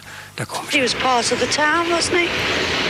Part of the era I was in anyway. He was a teenager when I was a teenager, and uh, well, he's one of us, isn't he? You know, he's one of my period. I don't think he should have left Liverpool. He should have stayed here. We used to shout John Lennon for president once when we were young. Yeah, he was good. He was very intelligent. Didn't think till I heard the news. He was part of us. You know, I was upset. I'm keeping on listening to him anyway. I'm on my way to work. It's going to be bad. Ja. Er was zeker een lijntje tussen de VARA en de BBC. eh. Ja. Ja. Ja, nee, Ja. dit was de KRO, hè? Ja, maar ze zeiden dankzij de... De VARA en de BBC, ja. de BBC. Maar goed, ze hadden natuurlijk allemaal toen hetzelfde eh, belang. En ik weet nog wel dat de VARA op woensdag altijd op Hilversum 1 eh, uitstond. Dus de actualiteitenzender. Op Hilversum 2 uitstond, de actualiteitenzender. Dus misschien is dan wel inderdaad afgesproken de- dat de VARA die die opname al van de BBC had gekregen... Ja. voor Mm, eh, de actualiteiten, even doorspeelde naar de KRO. Ja. Want eh, VARA en KRO waren toen wel echt eh, twee handen op één buik. Omdat die zeg maar, qua muziekbeleid op eh, de muziekzender echt ja, progressief bezig waren. En niet hitparade gericht. Dus inderdaad, en ook journalistiek gericht. Dus inderdaad dat die allebei wel op dezelfde manier het belang inzagen van, eh, van deze gebeurtenis. Ja. Daar ook Ja. op dezelfde manier, me- dezelfde manier mee omgingen. Dus eh, ja, dat heeft in ieder geval, eh, wat mij betreft, eh, twee mooie radiodagen opgeleverd. Zeker omdat het juist op die eh, dinsdag, dinsdag en woensdag eh, in Nederland eh, heeft plaatsgevonden. Want als Ja. het inderdaad Ja. op andere dagen was geweest, dan had je toch wat minder indrukwekkende radio gehad. Maar is dit nu allemaal opgenomen destijds? Of, eh, ja, ja, niet door mij, maar ik heb het gelukkig wel gekregen van allerlei mensen. En, eh, Ja, oh, dit, oh, dit is bij mensen thuis gewoon opgenomen op een cassette of zo. Ja, ja, De, de, kwaliteit is inderdaad ook allemaal eh, ja, niet helemaal optimaal. En je hoort ook wel dat soms het meest vitale deel net te laat wordt gestart of net te vroeg wordt uitgezet. Maar dit heb ik er dan nog uh, mooi van kunnen knippen. Ja. En uh, ik heb nog uh, een paar dingetjes trouwens. Dan stop ik hier even mee hoor. Dat, uh, de rest van de week. Veronica heeft het popjournaal op vrijdag. dat is inderdaad, ja, stel dat hij inderdaad op vrijdag was overleden. Dan had je de top 40 en de tipperade gehad. Daar was Veronica misschien, hadden ze daar nog van afgeweken. Hadden ze gezegd van we draaien dat een keertje niet. We gaan Lennon draaien. Maar goed, nu hebben ze gewoon inderdaad, omdat het al drie dagen geleden was, even een itemje gemaakt in het popjournaal. En uh, dat laat ik even horen. En daarna hoor je nog een toch wat verrassende andere Hilversum 3 DJ, die ook zijn, zijn zegje doet. Veronica's Popjournaal. We konden vanochtend in de kranten lezen dat er een fakkeloptocht gehouden wordt vanavond in Amsterdam. Nadere bijzonderheden hoort u nu van een van de organisatoren, Peter Kies. Om 20 uur wordt in de Doelenstraat bij het Doelenhotel gelegenheid gegeven tot het tekenen van de rouwregisters en het kopen van een fakkel, 1 gulden 50. Om 9 uur wordt er gelopen vanaf dus het Doelenhotel Rokin Dam naar het Hilton Hotel. Vermoedelijke aankomst 10 uur half 11. Daar worden enkele momenten stilte in acht genomen. En de bedoeling is dat er geen leuzen of spandoeken meegenomen worden. Het wordt een zogenaamde stille fakkeloptocht. En het Hilton Hotel verleent zijn medewerking in zoverre dat ze die suite geven die John en Joko in 1970 hadden. Daar wordt voor het raam neergezet een bos bloemen met twee spots erop. En dan zondagnacht komt er nog een nachtwagen, maar daar komen nog nadere mededelingen over. Die uh, nachtwaken, heeft dat te maken met die algemene herdenking? Ja, inderdaad. Maar daar hebben we nu contact over via WEA naar Amerika toe met Joko. En dat komt allemaal nog.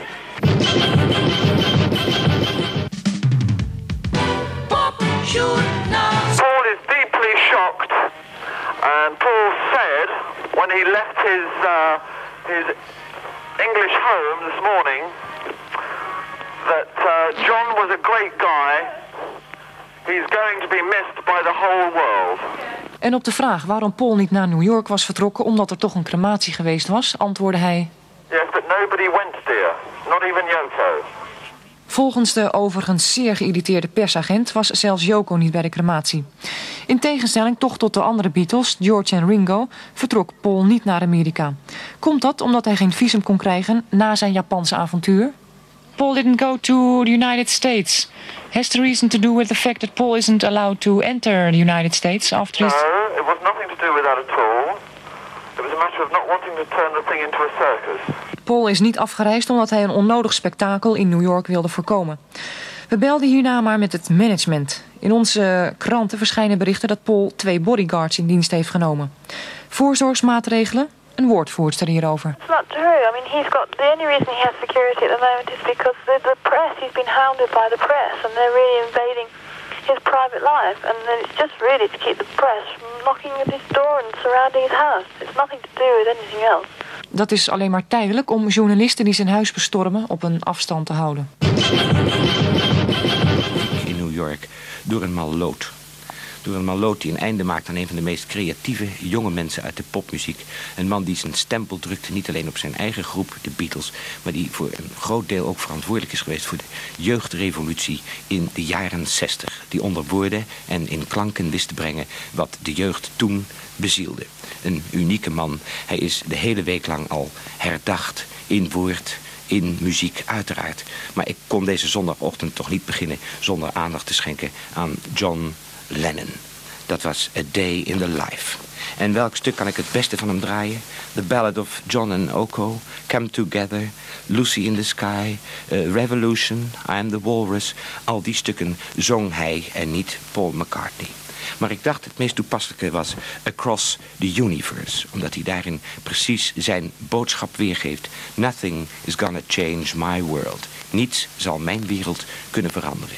En dat er in die wereld ook een soort Indiase wijsbegeerte zat... mogen blijken uit het zinnetje dat hij steeds herhaalt... en waarmee hij eindigt. Jai Guru Deva Om. Hier is dan nog eenmaal, althans in dit programma, John Lennon.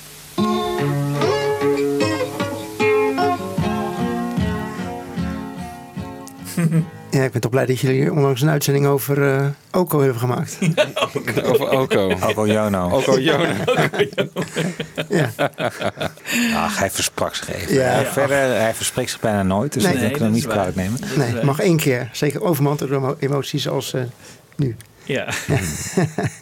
ja. Nou goed, dat is inderdaad eh, de dood van Lennon eh, in, dat, in Ja. die ene week van, eh, van december eh, 1980. Nou, indrukwekkend hoor. Ik eh, word helemaal stil van. Heb je nog wat vrolijkers? Of, eh, Eh, ja, want het werd vanzelf ook weer kerstmis na december 1980. Of aan het eind van december 1980. En dan hebben we natuurlijk de Tros. En de Tros stond en staat altijd bekend van de hitparades. Dus ja, als er een Beatle doodgaat, dan moet er een Beatles top 30 komen. En ehm, nou weet ik niet of je de Tros-luisteraars van 1980 een beetje kent. Nee. Zeker niet de luisteraars van het programma 50 Pop van Envelop.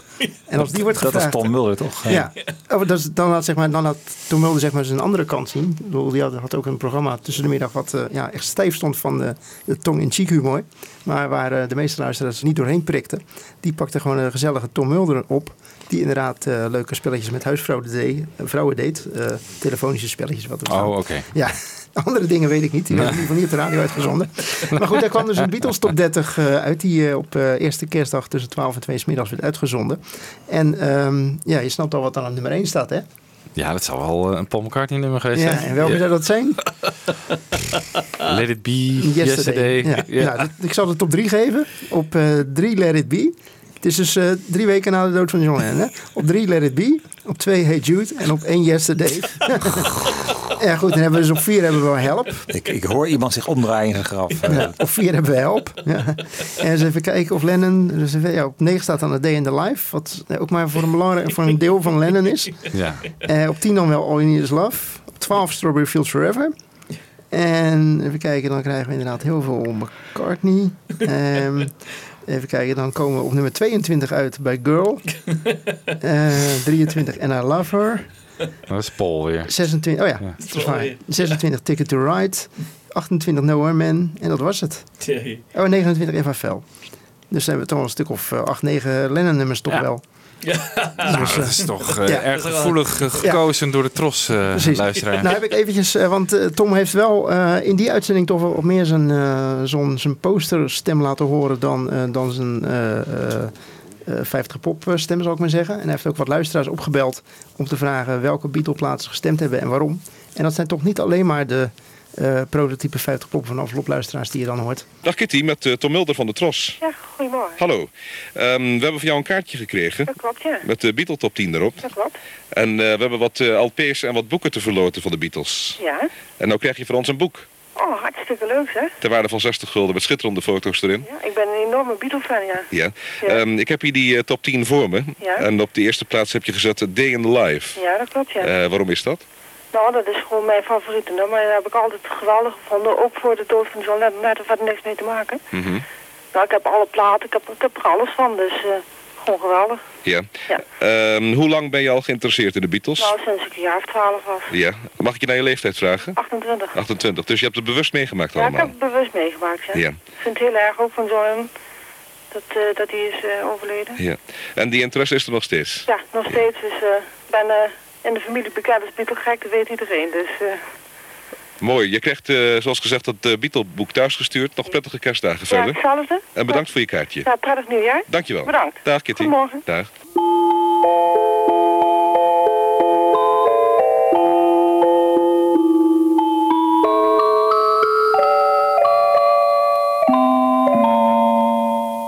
Erwin, met Tom Mulder van de Tros. Ja, wat is er? Ehm, we hebben een kaartje van jou gekregen. Met je Beatle, eh, favoriete Beatle-platen erop. Ja. En nou hebben we in het programma 10 Beatle-LP's te verloten. En je krijgt er één van. Ah, hartstikke mooi. Ja? Ja. Eh, op de eerste plaats heb je gezet eh, Birthday. En op de tweede plaats Piggies. En op de derde plaats I'm So Tired. Waarom juist die keuze?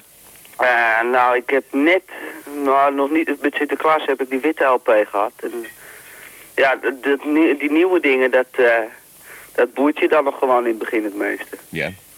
Eh, hoe oud ben je, Erwin? 17. 17. Dus je hebt het niet echt bewust meegemaakt? Nee, alleen als ik nou de, de, echt de laatste nummers hoor van 1969 zo'n beetje. En ik hoor ze weer eens voor het eerst, eentje die ik nog niet ken bijvoorbeeld, dan eh, komt me toch wel ietsje bekend voor, omdat ik toen zelf al een jaar of 6, 7 was. En dan weet je er nog wel iets van. Kun je nog, eh, kun je nog wel zeggen, kijk, eh, het lijkt wel of ik het al eens eerder gehoord heb. Ja. Hoe is die belangstelling gekomen? Ehm, Is daar een speciale reden voor? voor die Beatle-platen? Ja. Nou, eh, mijn zus die heeft een keertje een, eh, een Beatle-plaat ge- gekregen of gekocht, dat weet ik niet meer. En toen, eh, toen heb ik die ook geluisterd en ik vond het wel mooi. En toen heb, heb ik er eens eentje gekregen voor mijn, voor mijn verjaardag of zo. Nou, en ik vond het steeds mooier, dus toen heb ik, eh, ben ik ze gaan kopen zelf. En nou heb ik ze bijna allemaal. Ja, dan werd het eh, op de achtergrond nog even het kerstdiner eh, Ja. klaargezet. Ja, met Yesterday natuurlijk eh, de nummer 1. Ja. De, de beste Beatle-plaat. Ja. met Tom Mulder. Ja, wat is er? Ja. ja. precies. Je hebt Hallo, een Tom Mulder. Je hebt een Beatle-plaat gewonnen. Oh. Ja, ach. Nou goed, dat is in ieder geval de manier waarop de tros dan stilstond bij eh, Lennon. Waarbij natuurlijk wel wordt aangetekend dat ze een maand later weer met die Beatles-story begonnen. Voor de derde keer weliswaar, maar goed. Hoeveel luisteraars waren er in 74 al die er in 81 ook nog waren? En voorafgaand aan die serie ook nog eens een keer twee afleveringen over eh, de dood van eh, Lennon aan de hand van dat eh Andy Peels interview. Ja. Waar ze dan toch, eh, die ze wel echt hadden uitgewerkt tot hele verzorgde documentaires. In tegenstelling tot Willem van Beuzenkom, die ze toch min of meer het random had gestart. Op basis van een net binnengekomen band van de BBC op die eh, dag Ja. van het overlijden van Lennon. Ja. Dus Zeg maar, ja. die, die Beatles story die eindigt zoiets in 72 of zo. Hè? Ja. Maar dan ook in 80 weer? Ik bedoel, dan laten ze hem weer eindigen in 72. Nou, dus, eh, die story eindigt steeds eh, met eh, het uiteengaan van de Beatles. En oorspronkelijk komt er dan nog één deel achteraan. Ja, met- met, dus de solo, De, eh, John, Paul, George ja. en Ringo show. Ja. Eh, die wordt gehandhaafd, maar daar komt dan op een gegeven moment wel een deel Een achteraan. Een update inderdaad met ook wat meer aandacht voor de, de latere platen. Oh, dat wel. Maar dat is dan verder niet meer aangevuld met actuele interviewmateriaal. Nee. Dus oh dat, nee, eh, dus eh, het is wel zo dat wordt ze... alleen gezegd van, nou ja, goed, Lennon heeft na 1975 geen plaat meer gemaakt. En eh, McCartney heeft op nummer 1 gestaan met Melvin Tire. En eh, ja. ja, daar moet je het dan ook verder maar mee doen. Ja, ja, oké. Maar dan even over die, over die top 30, hè? Want je zei van, nou ja, allemaal McCartney. Maar ik denk dat het pas vrij eh, meer recent inzicht dat we weten wat echt McCartney en wat Lennon is. Ja. hè? Dat het, Ja. dat het Ja. zo... Maar nou, ja, als Lennon Kijk, doodgaat dan... Yesterday, dat snap ik ook wel. Hè? Dat snapt iedereen. Maar, Ja. maar al, gaat dat voor All You Need Is Love ook en zo? En dat is maar al precies weten van, oh, dat is echt typisch Lennon, dat is typisch McCartney. Was dat al toen in 1980 al zo?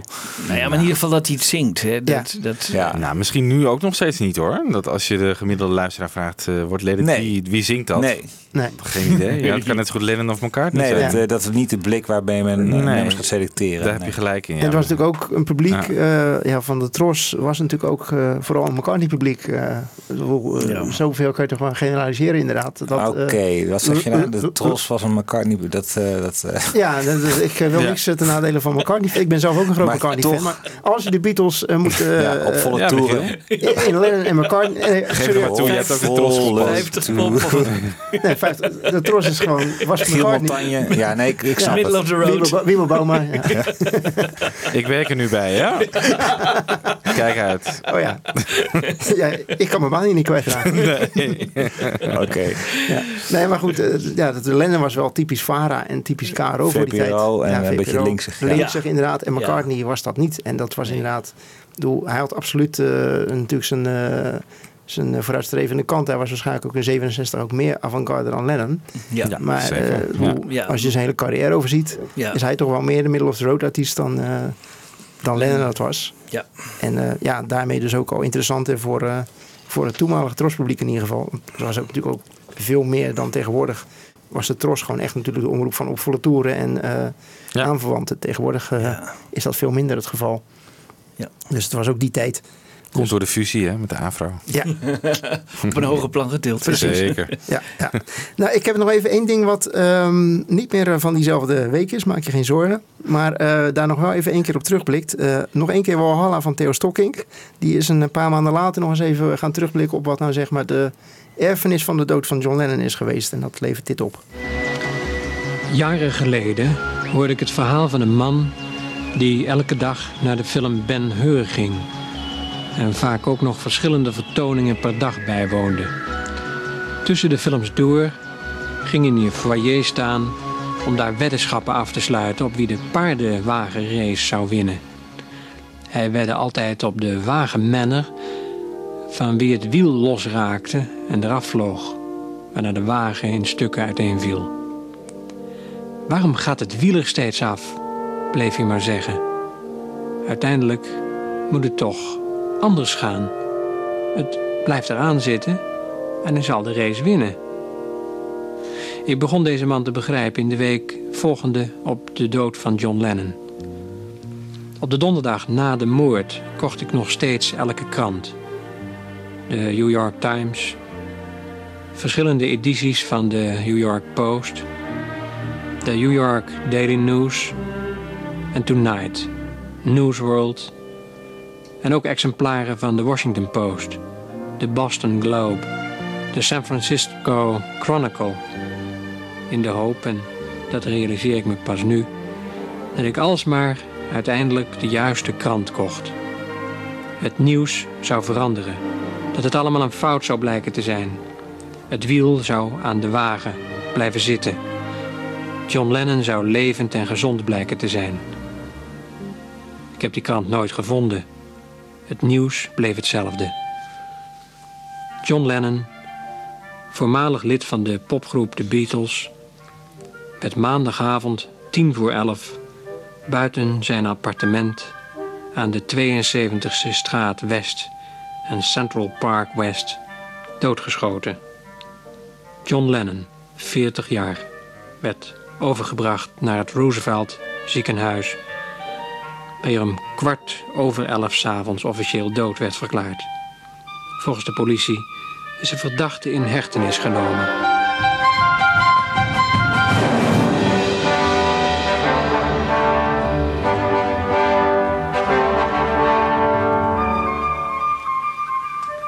Dat was de inleiding van het Amerikaanse boekje Strawberry Fields Forever, dat na de dood van John Lennon is verschenen. Behalve dit boekje zijn er nog talloze andere boeken, tijdschriften, kranten, posters, t-shirts en tassen verschenen ter nagedachtenis aan een van de grootste personalities van deze eeuw. Vanavond in Valhalla gaan we het hierover hebben. Behalve dat we de hele commercie onder de loep willen nemen, zullen er ook meningen van Yoko Ono op alles wat er na de dood van John is gebeurd gegeven worden. Verder ontbreekt ook de muziek van Lennon natuurlijk niet. Als repertoire voor deze uitzending hebben we een greep uit de archieven gedaan en daaruit een aantal hoogtepunten uit de muzikale carrière van John Lennon gehaald, waaronder de laatste optredens die hij ooit voor publiek heeft gedaan. En de allerlaatste keer dat John Lennon ooit voor publiek op de planken heeft gestaan... was tijdens een afscheidsfeest van Sir Lou Great. Dat is de baas van het Amerikaanse televisiestation ATV. Ja, die heb ik dus uh, weggeknipt. Om het allemaal een beetje kort te houden. ja. Goed, ja, dat is dus uh, de dood van Lennon een paar maanden later. Voor het eerst een beetje een soort van perspectief gezien. Ja. Hopend dat het uh, nieuws toch niet waar is. Ja, wel mooi, ja. mooi, mooi, mooi verteld. Ja. Ja, we gaan vast wel een keer een thema-uitzending doen, denk ik, over de dood van Lennon. En dan uh, kunnen we bij jou aankloppen, geloof ik, voor mooie fragmenten. Ja, nou, op zich heb ik al de, de meeste nu al geleverd. Ja. Oh. nou, nou, nou, volgens mij is nog wel wat. Uh, ja, dat was wel wat aardig. Ja. Ja. ook uit buitenlandse media en zo. Ja, klopt inderdaad. Ja, nou goed, uh, ja, ik denk inderdaad dat dit toch wel een, een moment is dat, uh, of eigenlijk het moment in de Beatles geschiedenis is geweest dat echt door de Nederlandse radio uh, echt gecoverd is van begin tot einde. En eigenlijk het enige, want ja, de dood, of het uiteengaan van de Beatles, wat Lex Harding natuurlijk al zei, is eigenlijk voor de toenmalige mediamakers eigenlijk een beetje voorbij gegaan. Ja. Dat wordt meer nu als een historisch geschiedenis. Ja, en hij dacht dat het in 1980 was. Ja, ja. Murders inderdaad, die, uh, ja, die dacht... Uh, oh, ik ook dacht uh, ja, nee, Lex Harding. Oh. Felix Murders die zat een beetje te twijfelen. Oh, die was, was het nou 1970? Oh, ja, ja, ja, dat was Felix Murders. Ja. Ja, ja. En de dood van Harrison dan, hoe is dat? Ja, dat, dat is wel gewoon inderdaad nieuws geweest, maar qua impact is ja, natuurlijk... is dat minder geweest. Het was natuurlijk sowieso de jonge leeftijd. Het feit dat hij natuurlijk weer net een plaat gemaakt had. En ja, hij was natuurlijk de man van de Beatles. En ja, Harrison, met alle respect, was natuurlijk toch gewoon, dit was gewoon een goede muzikant. Zoals er wel meer goede muzikanten zijn. Toch, uh, drie, vier maanden na Lennon is ook op dinsdagmorgen Bob Marley overleden. Dat heeft die dag ook inderdaad geleid tot wat uh, Bob Marley platen. Ik denk dat je Harrison... Wanneer, wanneer, was dat? Een paar weken later? Nou, in mei 1981. Mei 81. Dus ja, dan okay. heb je het over vier, vijf maanden later, uh, ook ja. op dinsdagmorgen. En ja, als je het hebt over de betekenis in de muziekgeschiedenis, is die van Bob Marley toch echt groter dan die van, John, van George Harrison. Wereldwijd. Mm.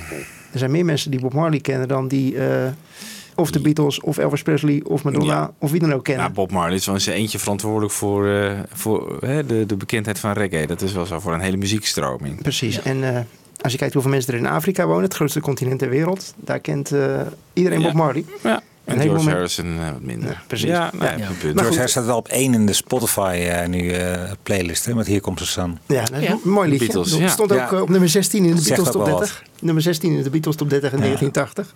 Tussen Yellow Submarine en Twist and Shout. Yellow Submarine stond hoger.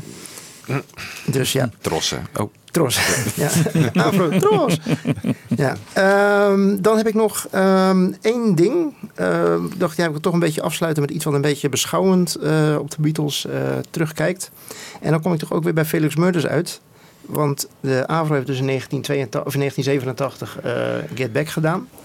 En in 1987 ben ik zelf bij de VARA gaan werken. bij het programma De Popkrant, waar ik met Rolf Kroes te maken had, producer. En die zei ik ook van, heb je het gehoord? De Avro is net met een uh, nieuwe Beatles-story begonnen. En jullie hebben een paar jaar geleden hebben jullie ook iets met de Beatles gedaan. Toen zei hij, nou, de Beatles zou ik echt niet meer willen doen. Dat heb ik echt, heb ik echt gehad. Dus uh, ik zei, nou ja, goed, uh, wees blij dat er een nieuwe generatie is die dat nu is gaan doen. En hij zei van, nou, dat, zou ik niet meer willen.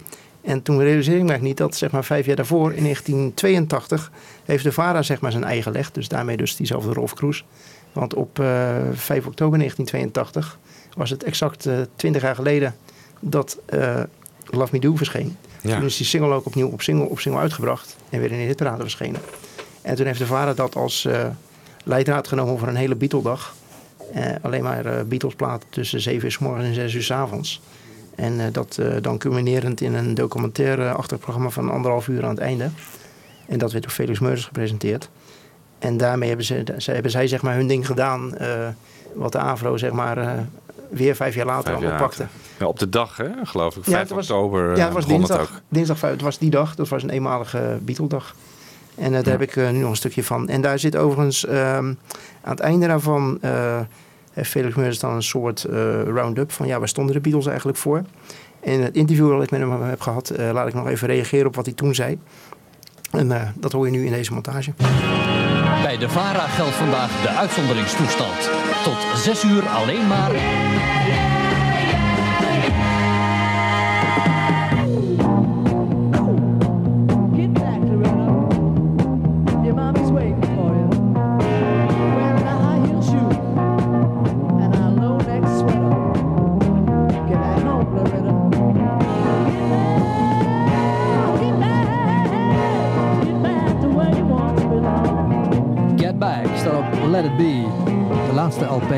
Beatles hebben uitgebracht. Tussen de opname van Let It Be en de release, die werd eh, opgehouden door de montage van de film Let It Be, werd Abbey Road opgenomen en uitgebracht. Het was een glorieus afscheid. En dat wisten ze toen al. Het laatste nummer op de plaat heet The End. Maar John Lennon ging ermee akkoord dat hij niet zou zeggen over zijn beslissing de groep te verlaten.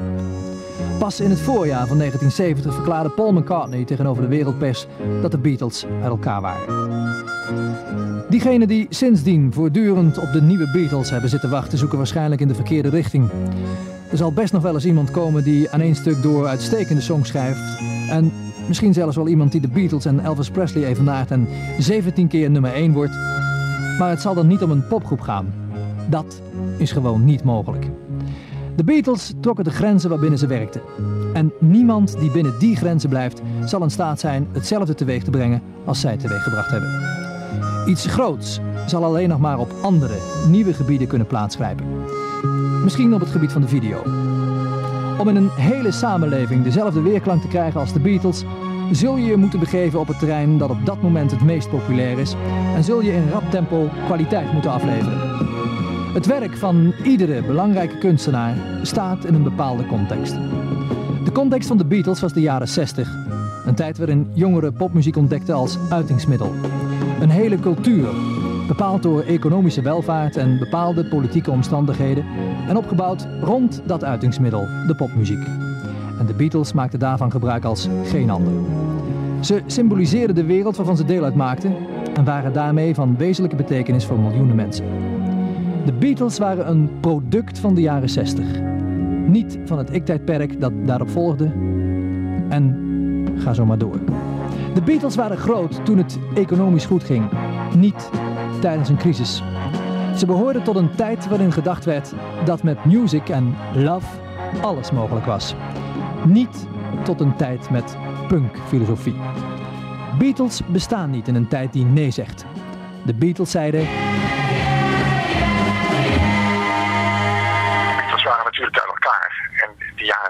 jaar, het was toch eh, een totaal ander muziekbeeld weer. En ja, mijn, mijn favoriete muziek komt uit de jaren 60. Alhoewel ik tegenwoordig echt nog van alles en nog wat beluister hoor. Dus ik hou me ook met hele nieuwe muziek bezig. Maar eh, ik, vond dat de hit parade toen bestond uit hele goede nummers. Dat waren allemaal kwalitatief goede nummers. eh, die je nu nog eh, kan draaien. Op de Engelbert Humperdinck daar. En, en de Beatles, dat, dat waren toch fenomenen. En de Rolling Stones. Dus ik, ik kan me eh, voorstellen dat ik die conclusie toen in 1982 heb getrokken. En tot zover het ware Beatle-verhaal in 75 minuten. Ik ken omroepen die er langer over doen. Ik hoop dat je de band of cassette recorder eh, hebt bewaard. Dat je de hele handel hebt opgenomen. Want de volgende uitzending in deze serie verwachten we over 20 jaar. Aan deze Beatle-dag werkte het volledige kortharige tuig mee van VARA Radio Hilversum 3, inclusief Hugo van Krikken. Een aparte vermelding verdient Harry Vermegen. Het beviel hem zo goed dat hij voorlopig geweigerd heeft zijn nieuwe tv-contract te tekenen. Ook dank verschuldigd aan Beatles Unlimited, postbus 259 Alphen aan de Rijn en de Beatle fanclub postbus 1464 Amsterdam. Special thanks to Paul Cabacini. En berg de Beatle-bruiker nu maar weer op.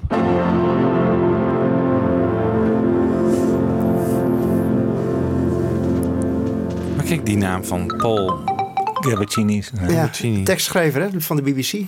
Heeft ook eh, voor poster eh, ook, eh, dingen gedaan trouwens. Ja. Hij heeft ja, Paul McCartney verschillende keren geïnterviewd. Ik denk dat ze daar iets... Uh, Popjournalist ook, of niet? Eh, ja, klopt. Ja, ja. En ik zou me niet verbazen als die laatste tekst die werd voorgelezen, als die ook eh, van zijn hand is. Hm. Dat die eh, toch gewoon vertaald is door de VARA. Oh, ja. Dankzij onze medewerkers van de BBC. Ja, Ja. Zo, moet je terug bij het Ja. beginnen. Of eh, Rolf Kroes heeft een keer echt, zijn- echt zijn zijn best gedaan. Dat is ook een hele goede tekstschrijver, dus dat zou ook zomaar kunnen. En welk jaar was dit ook alweer? Dit was 1982. Het 82, was eh, oké. 20 Ja. jaar na Love Me Do. Ja, als aanleiding gekozen van ja, we zoeken, we hebben een aanleiding om eens een keer een dag lang de Beatles te doen. Dus laten we dat eens doen. Maar in 2002 hebben ze niks gedaan. Hij zei, hè? Ja. 20 jaar, toen eh, zat hij er niet meer. Dus ja, dat eh, kon hij zeggen. Ja. Toen was hij zelf inmiddels al eh, heel uit in de 50. Of in de, nee, in de 50, ja. Ja. Dus dat wist hij natuurlijk ook al, dat hij er dan niet meer zou zitten. Ja. Dus overigens is er daarna nog wel van alles gedaan hoor. Ook op andere zenders. Op twee met name. Paul McCartney is een aantal keren geïnterviewd door Frits Spits. Ja. George Martin is een keer in de avondspits telefonisch of in de studio geweest. Ja, En ook wel. De 3FM heeft na de horizontalisering nog een keer een hele dag vanuit Abbey Road uitgezonden. Volgens mij een beetje ten tijde van de, de Anthology is dat geweest. Ja. Ehm, maar goed, dat zijn inderdaad eh, wat incidenten. Ja, ik, ik heb nu ook zomaar een greep gedaan. Ja. Ja. En eh, tenzij jullie zeiden die uitzendingen waren te kort, dan eh, heb ik het verkeerd gedaan. Nou, ik vind wel dat je één fragment... Dat vind ik wel het hoogtepunt van de Beatles op Nederlandse radio. Ben je vergeten? Vertel. Zal ik het even laten horen? Ja. In de beroemde suite waar 40 jaar geleden John en Joko mochten liggen, eh, is eh, Wiebo Dijksma. Hij heeft een, eh, zijn schoenen uitgedaan, dus, eh, maar ja, het is radio, dus het maakt niet zo heel veel uit. En hij heeft natuurlijk weer iemand daar ter plekke die wellicht daar 40 jaar geleden ook is geweest. Wiebo? Hij is er 40 jaar geleden niet geweest, maar hij weet er wel heel erg veel van. Dat is Jan Kees de Brugge. Ik sta hier trouwens in het Heilige der Heiligen, hè, in die suite. En we moesten inderdaad onze schoenen uitdoen, want het is allemaal wit hier. Dus eh, een beetje modder en je hebt allemaal vlekken in het tapijt zitten. Dat kan natuurlijk niet. Maar in ieder geval, eh, Jan Kees de Brugge is een van de drie auteurs van eh, het boek In bed met John en Joko, dat net is verschenen. Ik heb ergens gehoord dat het hier na een paar dagen nogal begon te stinken. Klopt dat? Ja, daar wordt gezegd, wie ook, maar het kan ook zijn dat zij zich minder goed hebben gewassen. Ze zijn ook dat bed er eigenlijk niet uit geweest. Hè? Ze zijn zelfs de kamer niet uit geweest. Dus het zou best kunnen. Het zou heel goed kunnen. Daar, weten, de, daar hebben we toch te weinig getuigen uit die tijd. Ja. Hey, Jan Kees, als je het gewoon niet weet, zeg dan gewoon, ja, ik weet het niet. Ik vond dit een beter, ik vond dit een beter antwoord. Hoogtepunt uit de radiogeschiedenis. Toen kennen wij elkaar nog niet, hè? Nee, nee, nee, nee, ik kan me nog heel goed herinneren ja, dat jij er stond. Ja, ja was Ja, leuk. nee, dit, hoorde, dit maakt het beeld inderdaad volledig compleet. Ja. Ja, dit was, Ik ben het eh, wel ja. Ja, en dat geeft, het haalt ook weer de, de zwaarte weg van eh, wat ik als laatste had. Ja. Des te beter, ja. Ja, oké. Oké. nou, leuk, nee, maar leuk, eh, interessant. eh, Ja, ja hele Absoluut. mooie Het fragmenten. is een mooi beeld, denk ik, van... Ja. eh, Heel leerzaam. Ja. Ja. Mooi Ja. tijdsbeeld. Ja, leuk. En ja, goed, wie meer wil, eh, er is van alles te vinden. En eh, ik ga zeggen, ga vooral grasduinen als je het leuk vindt. eh, Ja. Op internet. eh, ik zal de site nog een keer noemen. eh internet Radiocafé, waar van alles op te vinden is. En waar ook mensen te vinden zijn die inderdaad ook dit soort rare hobby's als ik hebben. Die inderdaad dit soort dingen verzamelen en Ja. bewaren en hebben. Ja. Ik zal tot besluit nog eventjes eh, Felix Murders. eh, heb ik ook nog even, net als bij Lex Harding, gevraagd naar zijn favoriete plaat. Dus eh, zullen we die dan als, als laatste nog maar even laten aankondigen. Leuk. Zullen we dat doen. En Edwin, heel erg bedankt. Ja, graag Ja, gedaan. bedankt. Heel leuk. Tot Ja. de volgende keer. Jo. Ik heb jarenlang volgehouden dat ik Strawberry Fields Forever een van de bijzonderste Beatles-nummers vond. Maar als je Lucy in the Sky with Diamonds draait, vind ik het ook niet erg.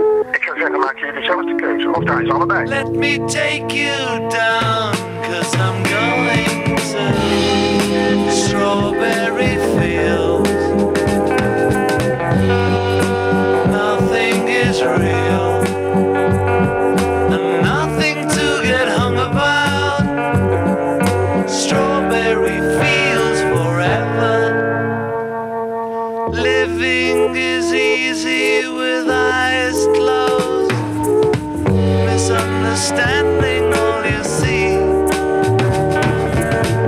It's getting hard to be someone, but it all works out.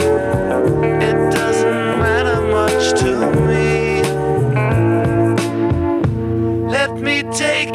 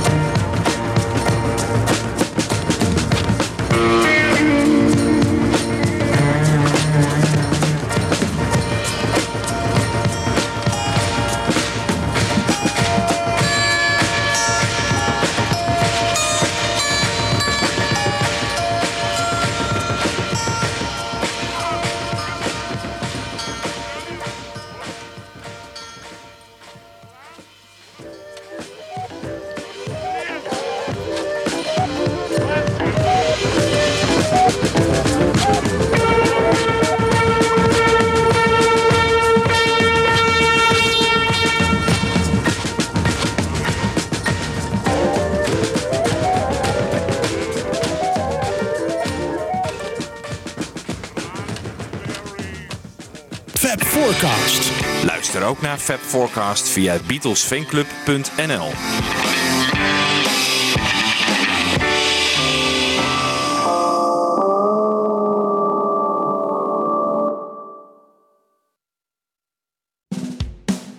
Dit was een podcast van Avro Tros. Wij maken tientallen podcasts per week. Van klassiek tot pop, van actueel tot archief, van reguliere radioshows tot speciaal voor podcast gemaakte programma's. Kijk voor meer podcasts op avrotros.nl.